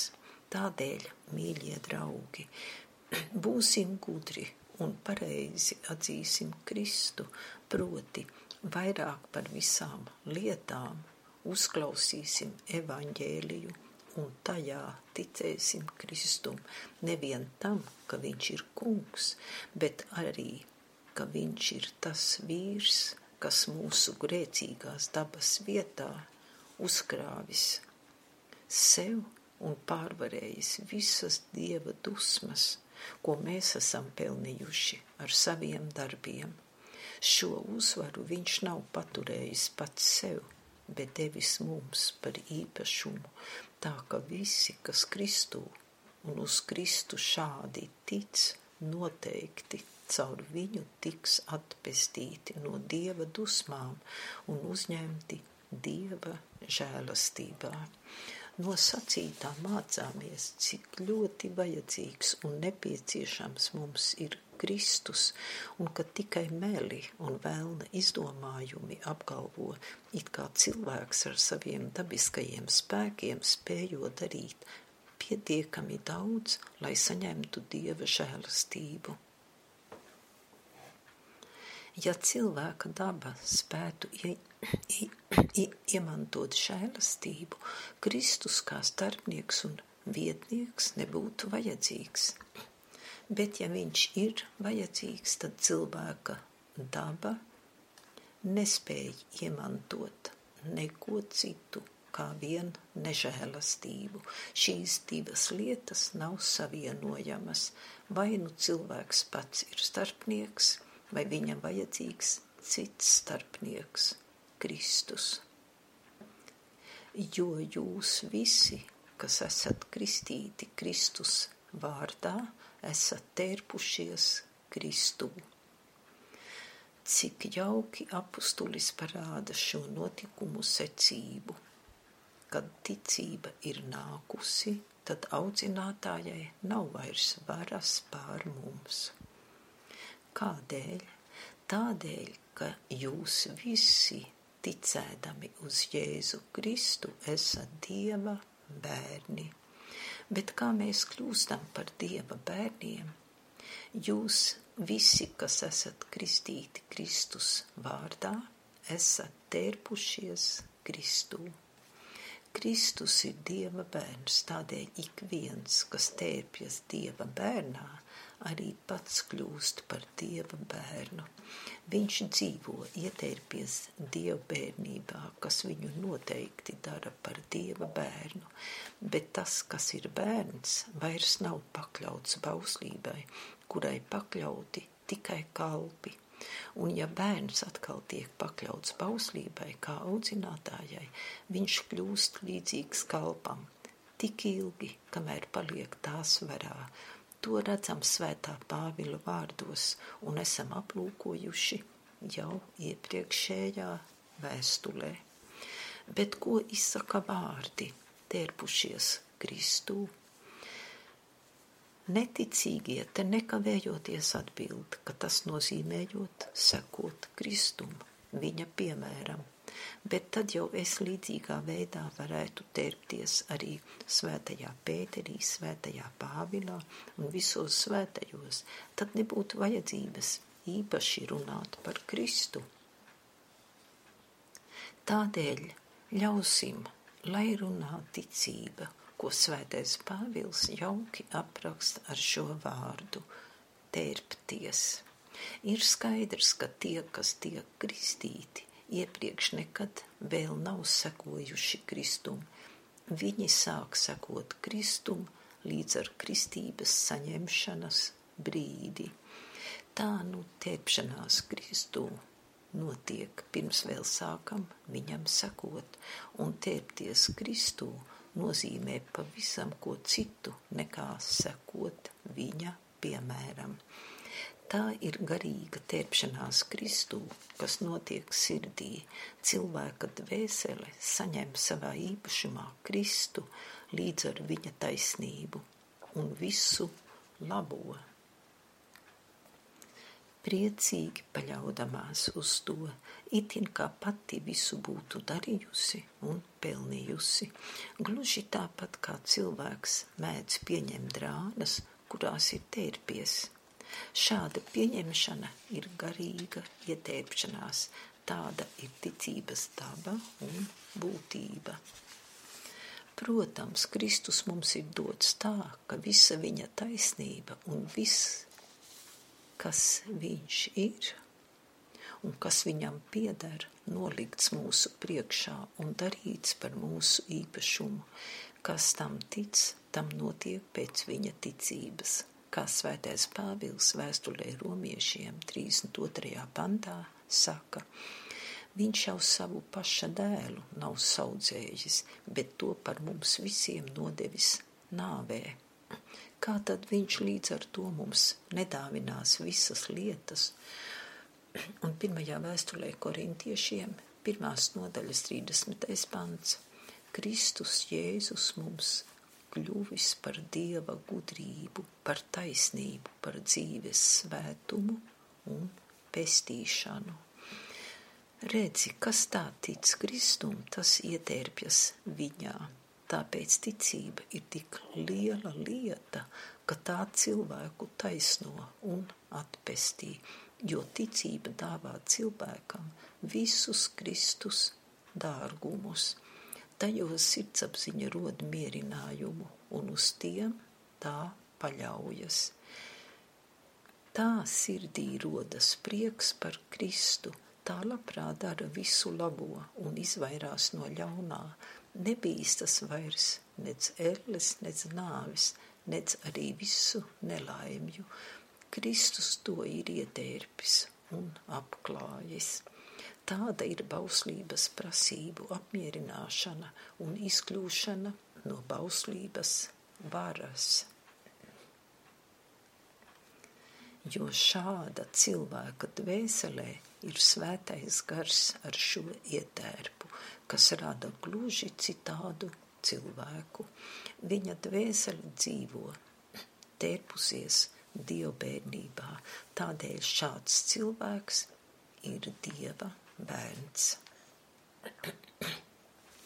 Redzi, Dieva priekšā nav iespējams šādā veidā ietērpties kādā svētajā, jo katram cilvēkam ir nepieciešams tērpties Kristū.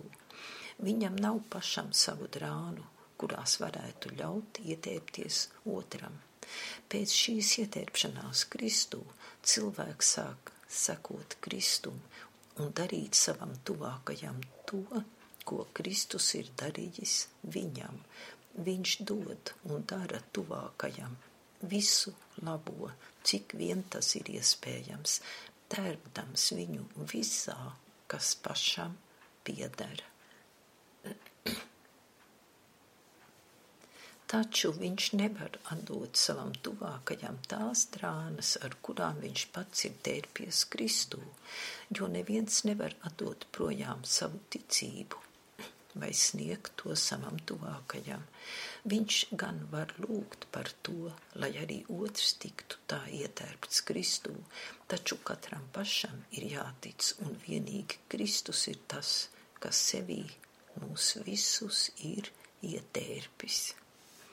Kam nav šādas ticības, ka viņam pieder Kristus līdz ar visiem viņa dārgumiem, tas vēl nav nācis pie patiesas ticības un arī nav kristietis. Tāda cilvēka sirds neto priecīga, nec labprātīga, jo vienīgi šī ticība spēj darīt cilvēku par kristieti, priecīgu, drošu, labprātīgu, atpestīt dieva bērnu, kurā mājo svētais gars.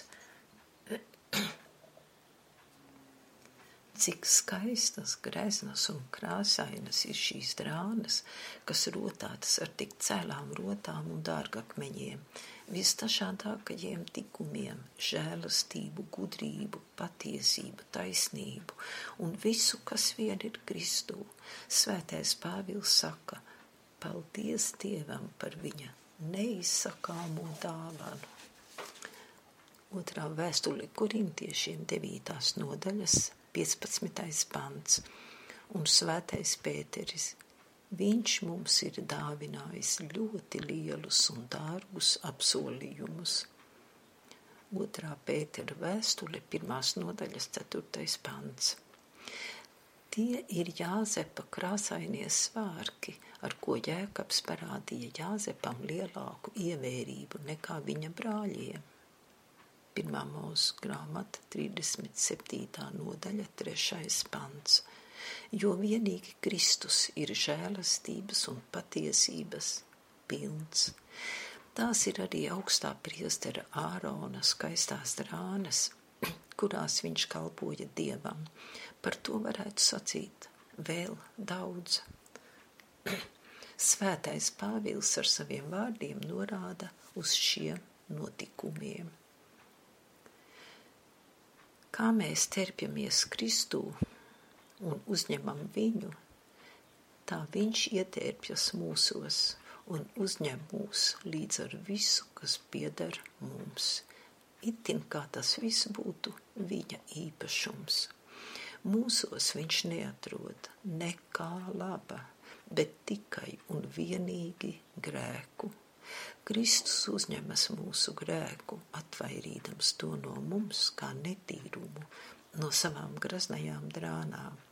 Turklāt viņš arī lūdz par mums, lai nesaņemam mūžīgu sodu, kā svētais Pāvils saka vēstulē romiešiem 8. nodaļas 30. 4. pantā.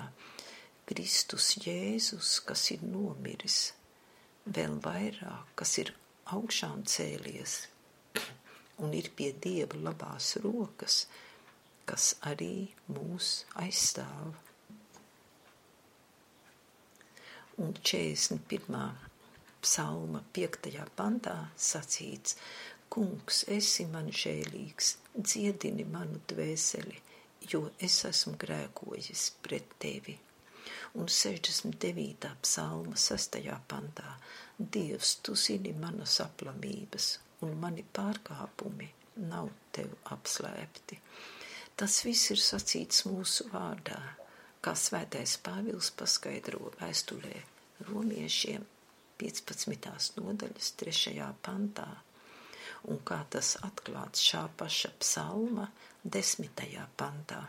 Kristus ir nesis mūsu grēkus un nav mūs nicinājis, nec dižojies ar savu svētumu, kā mums trūkst, bet kā ir rakstīts, tavu zaimotāju zaimi ir krituši uz mani.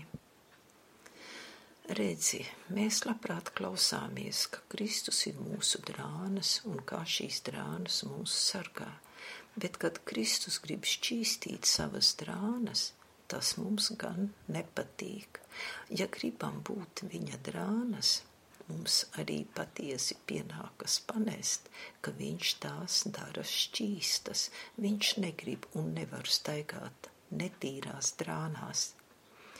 Asins liecinieku laikā uzvilcis jaunās drānas, viņš tās šķīstīja nāvē un visās ciešanās, kā Malejāhija grāmatā trešās nodaļas trešajā pantā sacīts, viņš pārkausēja Levija bērnus, šķīstījos, šķīstījot tos kā zeltu un sudrabu. Tā viņš šķīstīja savas drānas.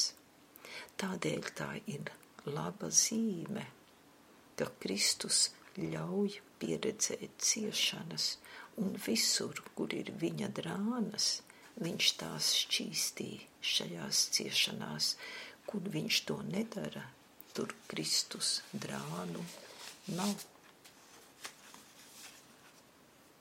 Tur nav bijis ne jūda, ne grieķa, nav ne kalpa,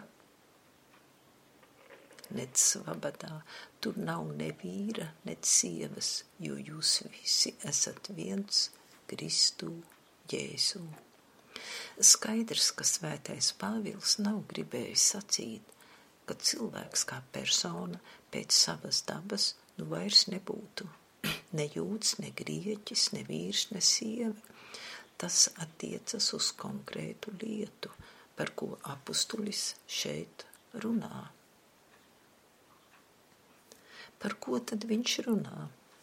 Ne par miesu vai dabu, bet par ticību, par taisnošanu, par Kristu, par to, kā mēs caur ticību viņam kļūstam dieva bērni. Šīs pārmaiņas notiek cilvēka dvēselē un sirdsapziņā, nevis ar miesu un asinīm, rokām vai kājām, bet ar dieva vārdu un evaņģēliju. Šajā ziņā nav atšķirību dažādu personu starpā, visi ir vienādi, Ir vienalga, vai esi jūts, pagāns, kalps, brīvs cilvēks, vīrs vai sieva. Cilvēku priekšā un laicīgajā dzīvē jūdam ir citādi likumi un dzīvesveids nekā grieķim. Kalps dzīvo citādi nekā brīvs cilvēks, vīrs citādi nekā sieva. Jūts ir apgraizīts, pagāns neapgraizīts, vīrs staigā neapklātu galvu, sieva valkā plīvuru. Turklāt katrs citādi kalpo dievam, un ir tā, kā mēdz sacīt, cik zemju, tik tikumu, taču laicīgā dzīve un visas ārējās lietas, kas nav saistītas ar ticību, Dieva priekšā nedara cilvēku netaisnu nedievbijīgu, tās arī netraucē taisnošanu, jo ticība paliek nemainīga, neatkarīgi no visdažādākajiem paradumiem, tikumiem un cilvēkiem. Bet ja cilvēks pieķeras šādām ārējām lietām un turas pie tām, gribēdams ar to palīdzību kļūt dievbijīgs un taisns, palīdzēt savai dvēselē kļūt brīvai no grēkiem un iemantot pestīšanu, tas viss ir aplami. Tā ir Kristus noliekšana, Dieva ticības un evaņģēlija zaudēšana. Te nu atkal sāk valdīt darbi un bauslība. Cilvēka sirdsapziņa jau ir aizvilināta projām no pareizā ceļa, ja tā iedomājas, ka neievērojot šādus paradumus, cilvēks varētu nonākt mūžīgā pazušanā, turpretī tos ievērojot, varētu ar šādu ārēju palīdzību tikt atpestīts. Tie ir visapkaunojošākie maldi, kādi vien virs zemes ir sastopami. Pret tiem apustulis tik stingri vēršas. Ar šādiem maldiem sirdī nav iespējams saglabāt kristīgu ticību, jo tā negrib un nevar panākt taisnību un pestīšanu ne ar kādu lietu palīdzību. Vienalga, vai tās būtu debesis vai tās būtu debesīs vai virs zemes, bet vienīgi Kristū. Visi pārējie likumi, darbi, tikumi, paradumi un personas ticībai nodara tikai miesas vingrināšanai un lai kalpotu tuvākajam. Kā tad pietrūkst jūdiem, kādēļ viņi neto pestīti? Svētais Pāvils Vēstulē romiešiem 9. nodaļas 32. pantā atbild, viņi grib panākt taisnību ar darbiem, nevis ar ticību.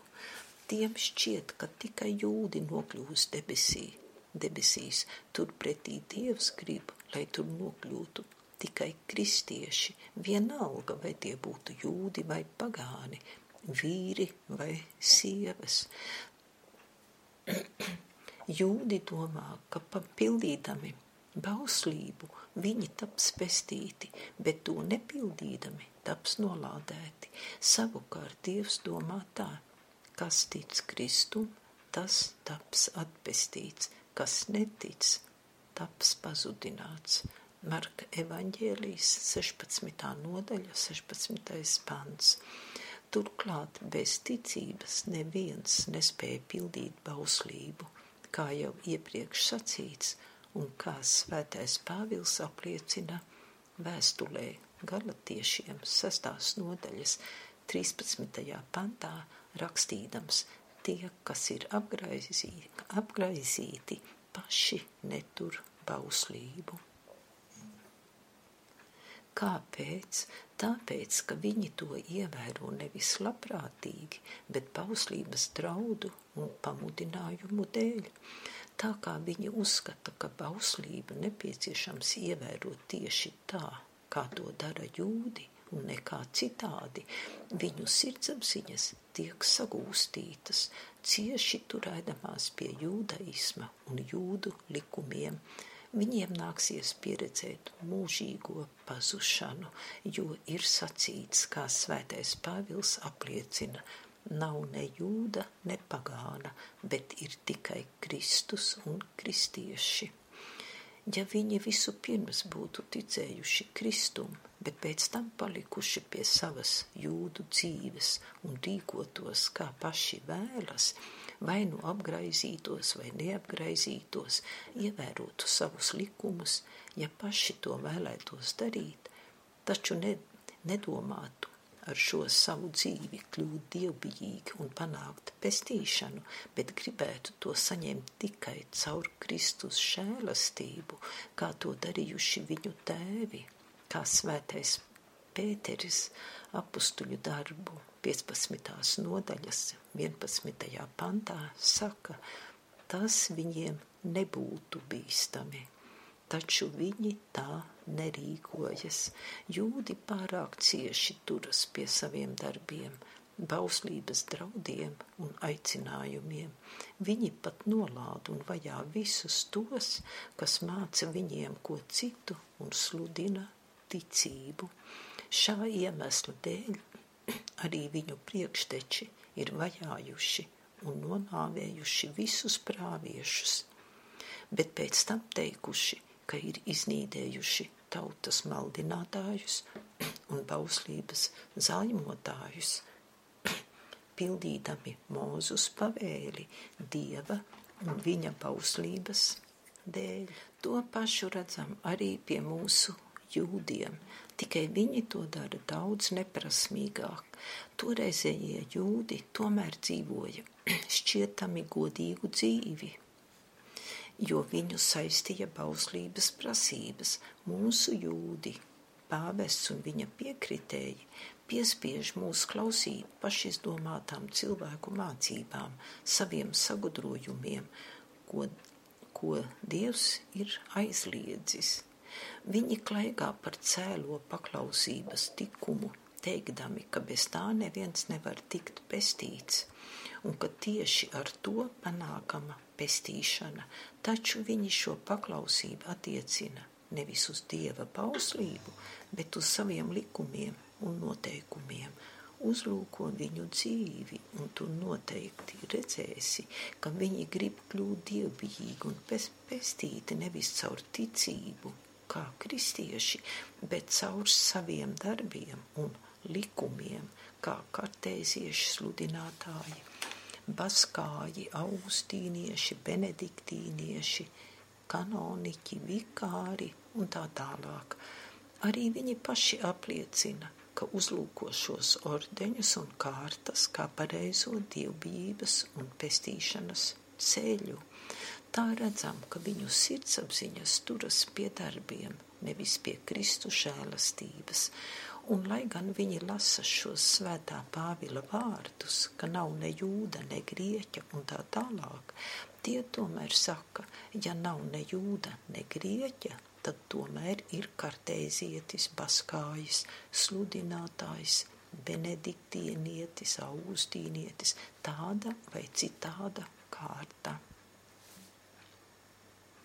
Bet, ja ar viņiem runā par Kristus ticību, tie saka, mēs labi zinām, ka ir nepieciešams ticēt Kristum, taču tam, ka tikai caur viņu vien panākama dievbijība un pestīšana, tam šie ļaudis netic un saka, kam tad būtu vajadzīgi labie darbi, tad jau ordeņiem un kārtām nebūtu nekādas nozīmes. Tu gribi izpostīt labos darbus un kalpošanu dievam, projām, projām, tu nolādētais ķeceri, šurp uguni, uguni, ķeceris, ķeceris, ķeceris.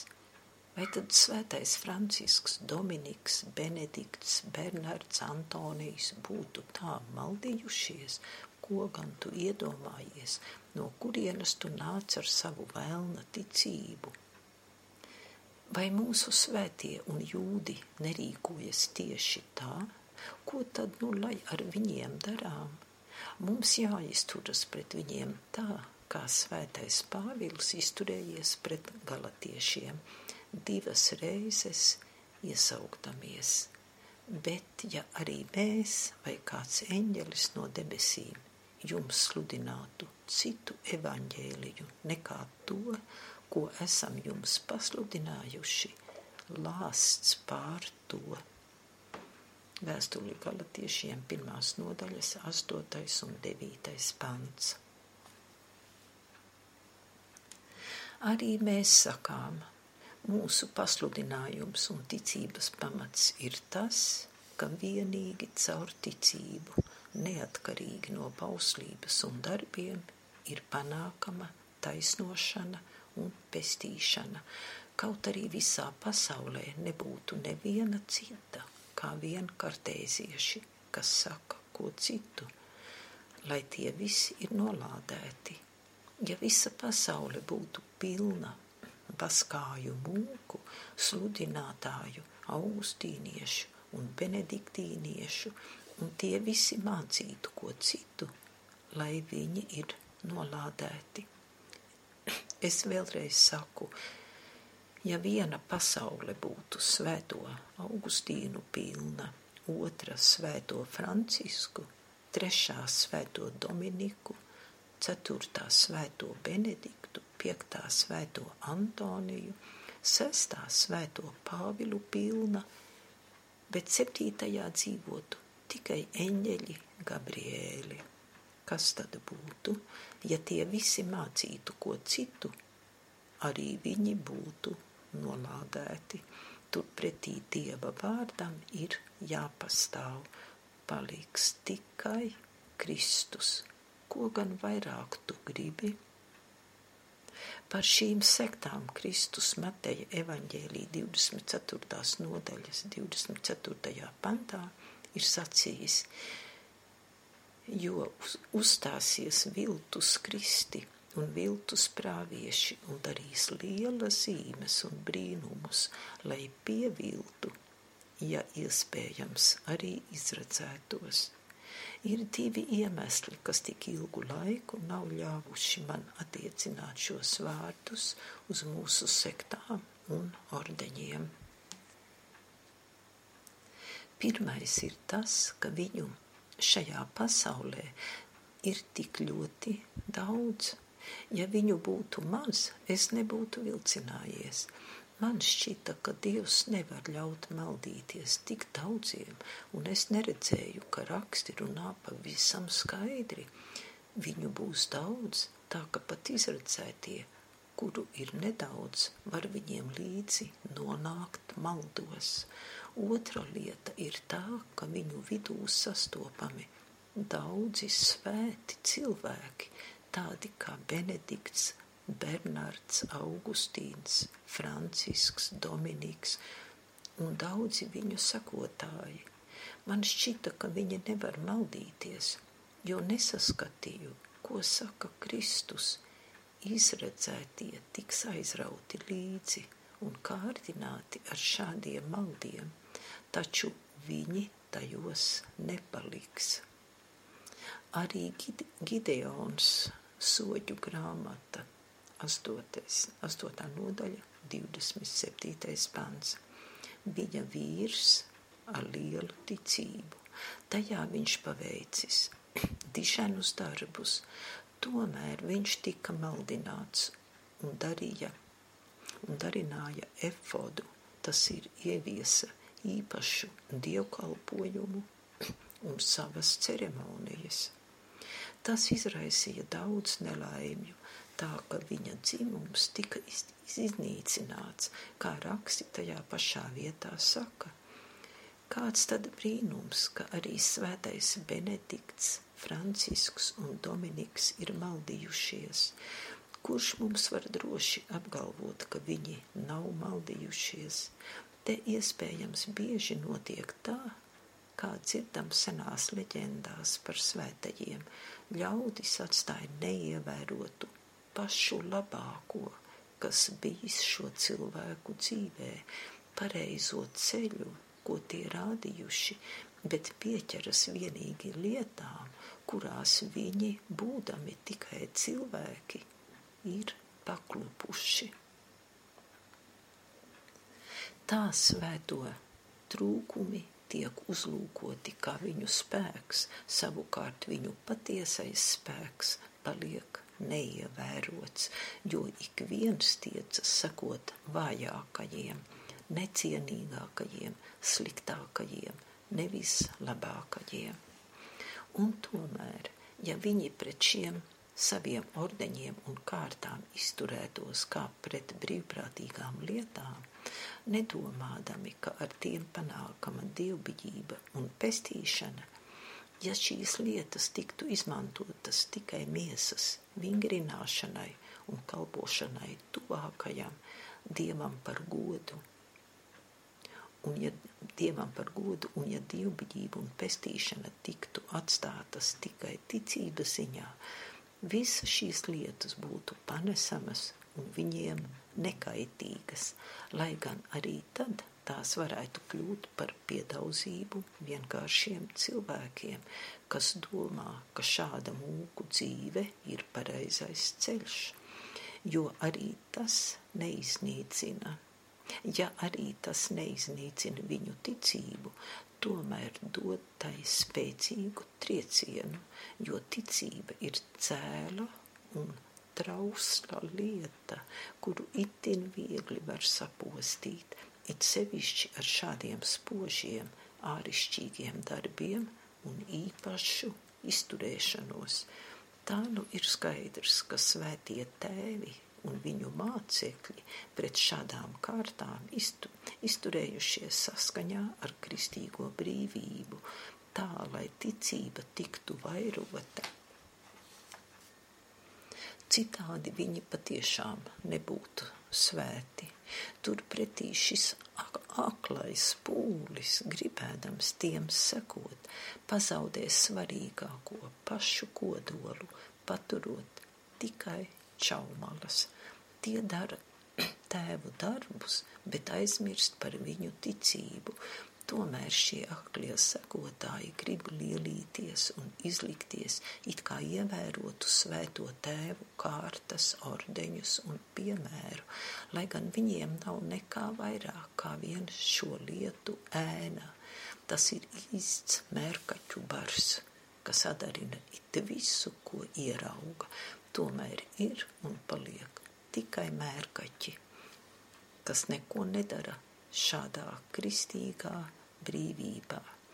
To viņi apliecina sacīdami, vai tad es ar savu kārtu, ordeni un darbiem nekļūšu dievbijīgs un netikšu pestīts, ja jau pestīšana atkarīga tikai no ticības, kas ir ikvienam, ko tad lai meklēju klosterī, kādēļ esmu kļuvis par mūku, kādēļ esmu priesteris, ko tad spēj panākt visas manas misas un lūkšanas, tad jau es drīzāk būtu varējis palikt la, lājā kārtā. Te nu no viņu vārdiem noproti, ka tie ir neticīgi ļaudis un nav kristieši.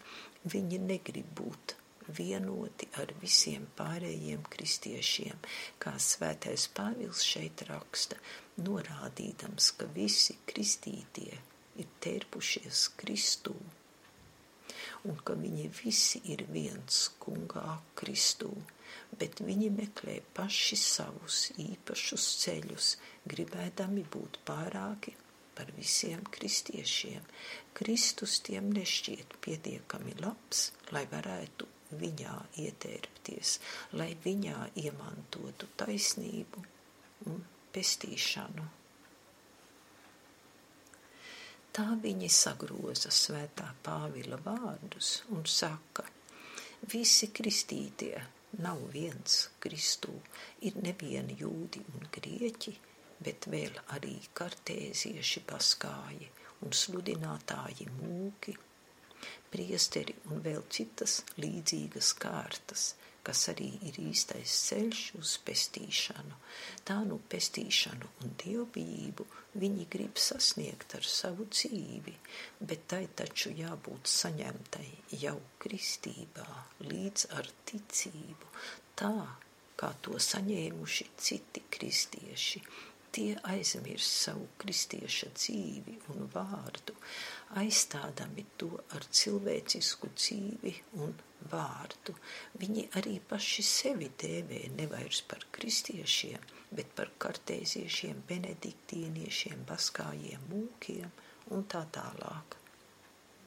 Svētais Pāvils šeit runā par kalpiem un brīvajiem cilvēkiem pēc sena paraduma, kas radies tad, kad kalpi bija savu kungu īpašums.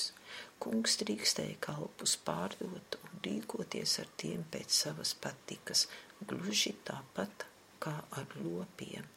Tie, kas nebija šādi atkarīgi kalpu ļaudis, tika saukti par brīvajiem. Tagad par šādiem kalpiem un nebrīviem ļaudīm varētu saukt klosteri iemītniekus, kas nodot sevi citu cilvēku īpašumā. Kaut Dievs dotu, ka viņi paši sevi uzlūkotu kā šādus kalpus un ļautu savai garīgajai dzīvei būt labprātīgam ieslodzījumam, kurā tie censtos nevis kļūt dievbijīgi un iemantot pestīšanu, bet ļaut izpausties dievbijībai un pestīšanai, kuru tie iemantojuši caur ticību. Cik maz pestīšanai var palīdzēt vai traucēt tas, ka esi vīrs vai sieva, tikpat maz tai palīdz vai traucē arī tas, ka esi kartēzietis vai priesteris. Tas pats jāsaka par visām ārējām lietām, ko tu dari savā dzīvē, par visiem darbiem, ordeņiem un kārtām. Tas, ka esi sieva, nedara tevi dievbijīgu, nec ļaunu, kaut arī tu dari visus darbus, kas atbilst sievas dabai. Tavu dievbijību rada ticība, kas pastāv ārpus un pāri tavai sievas dabai, dzīvei vai darbam. Tāpat arī tas, ka esi mūķene, nedara tevi negarīgu, ne dievbijīgu, nedz arī var tevi atpestīt. Kaut gan līdz pēdējam sīkumam izpildi visus noteikumus, likumus un darbus, ko prasa pildīt mūķeņu ordenis, tu nepanāktu neko vairāk arī tad, ja viena padarītu visu mūķeņu darbus, vienīgi Kristus ticība sniedz dievbijību un pestīšanu, un tā neko nezina ne par mūķinēm, ne mūkiem ne par lajiem, ne priesteriem, ne par kurpniekiem, ne skroderiem, ne par gavēņiem, ne lūkšanām, tieši tāpat kā tā nešķiro jūdus un grieķus, vīrus un sievas, kalpus un brīvos. Tā ir visos un pāri visiem, bez kādas kārtu, ordeņu, personu, izturēšanās darbu, apģērbu, ēdienu, dienu, vietu, amatu šķirošanas, īsi sakot, dievbijība un pestīšana ir atkarīga tikai no ticības, nevis no šādām lietām. Visi var turēties pie dievbijības un pestīšanas, tas ir ticēt Kristum un viņā kļūt vienoti, lai cik daudzveidīga būtu viņu ārējā dzīve, kā svētais Pāvils saka, jūs visi esat viens Kristū Jēzū. Par to pašu lasām 68. psalma 7. pantā.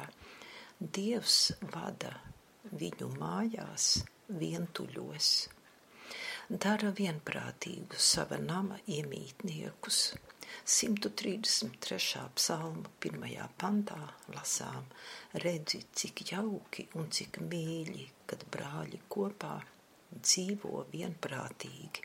Tas tādēļ, ka ticība visiem ir viena, tā dara divbijīgu, tikpat tik labi vienu kā otru. Sektas un ordeņi gan to nedara, tur katrs dzīvo savu īpašu dzīvi, tādēļ tie visi staigā maldu ceļus. Ja klosteri prelāti nemāca šādu izpratni, tad labāk būtu klosterus nopostīt līdz pamatiem, jo tie ir īsti elles vārti. No šādām vietām būtu jābēg, lai mācītos ticību, kur citur. Tā nu klosterī nevajadzētu palikt nemirkli. Lai gan ir labi ievērot šķīstību, ak šīs neskaitāmās saites un piedauzības, cik daudz cēlu dvēseļu šajos klosteros tiek sagūstītas un nošņauktas bet tik viegli būtu bijis tam palīdzēt. Bēdas, bēdas pāvestiem, bīskapiem un visiem, kam pavēlēts uzturēt šādus namus. Šeit īsti vietā ir Kristus vārdi. Mateja evaņģēlī 24. nodaļas 19. pants. Vai grūtajām un zīdītājām tanī laikā? Apustulis saka – jūs visi esat viens, itin kā runādams par vienu cilvēku. Tas ir kā pretstats lielam ļaužu daudzumam, un ar to ir pateikts, jūsu nav daudz, jūs esat viens, un ja arī ārējā dzīvē esat daudzi un atšķirīgi, nepiedarat vienai kārtai un nedarāt vienu un to pašu darbu, no kā jūsu dievbijība un pestīšana nav atkarīga, tomēr iekšēji šajās lietās, kas nosaka jūsu dievbijību un pestīšanu, esat viens. Tādēļ cilvēku priekšā lais atšķiras no priestera, mūks no mūķenes, vīrs no sievas, bet dieva priekšā nav ne laja, ne priestera, ne mūka, ne mūķenes, ne vīra, ne sievas, bet visi ir vienādi ticībā. Tas ir rakstu izteikums. Ap, apustuļi bieži vien lieto šādus vārdus, kas nozīmētu persona nav jāuzlūko. Tie piepildās vārdi, kas sacīti otrajā mūzus grāmatā, 16. nodaļas 18. pantā, kad Izraēla bērni bija salasījuši mannu, cits vairāk, cits mazāk, un pārmērīja to ar gomēru. Tas ir, cik viens cilvēks dienā var apēst izrādījās, ka visi ir saņēmuši vienādu daudzumu, katrs savu gomeru, un, kā raksti saka, nepalika pāri tam, kas daudz bija salasījis, un nepiedrūka tam, kas maz bija salasījis. Tā tam vajadzētu būt arī tagad.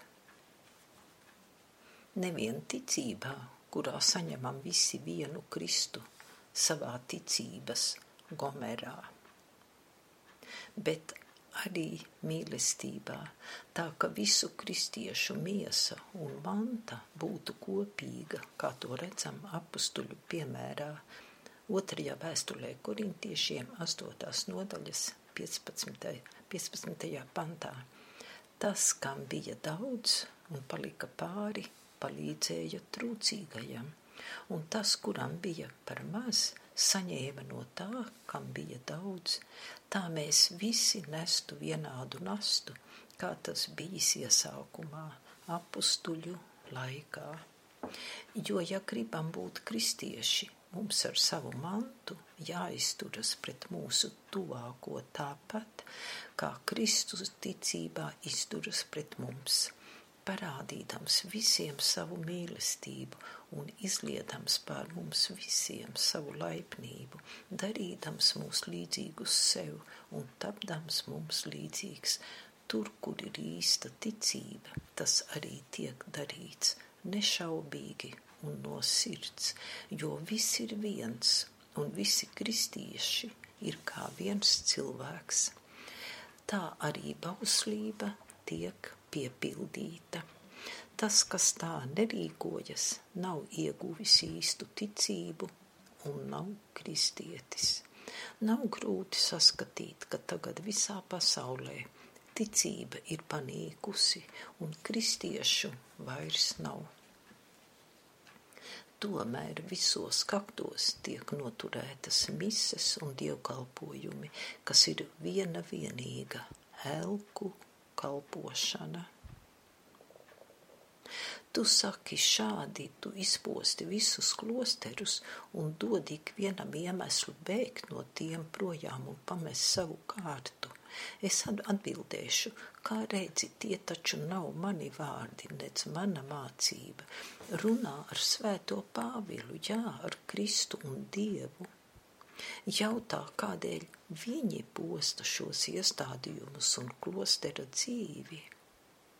Arī Izraēla tautā bija savādnieki, kas sauca sevi par bāla un moloha ļaudīm, kamēr visu zemi un pilsētu pārpludināja šādi īpaši dievkalpojuma veidi.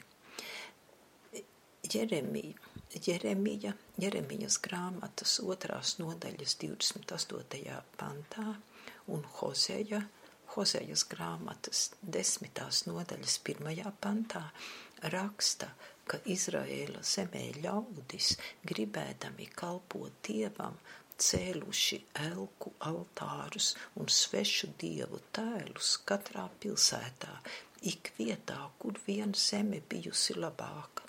Tādēļ arī Dievs ir ļāvis, lai šī zeme tiek izpostīta. Svētais ķēniņš Josija atcēla elku priesterus un neļāva notikt šādiem dievkalpojumiem. Viņš nebaidījās no pāvesta lāsta vai arī no tā, ka viņu sauks par dievkalpojumu postītāju. Kā rap šaks pārmeta svētajam ķēniņam Hiskijam līdzīgu darbu. Otrā ķēniņu grāmata, 18. nodaļa.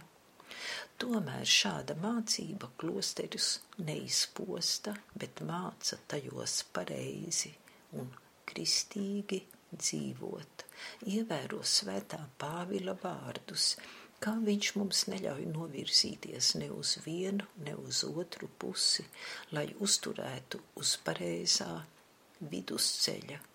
Viņš saka, nav ne jūda, ne grieķa, un tā tālāk. Jūds varētu sacīt, ja nu, nu ja jau jūds dieva priekšā nav nekas, tad kļūšu grieķis nostāšos pretējā pusē, bet svētais Pāvils arī te aizsteidzas priekšā. Nē, viņš saka, arī grieķis nav nekas. Ja grieķis sacītu, es, es atkāpšos no savas kārtas, lai kļūtu jūts, svētais Pāvils atbildētu, nē, arī jūts nav nekas. Ja sieva vai kalps teiktu, es labāk kļūšu vīrs vai brīvs cilvēks, ja jau sieva un kalps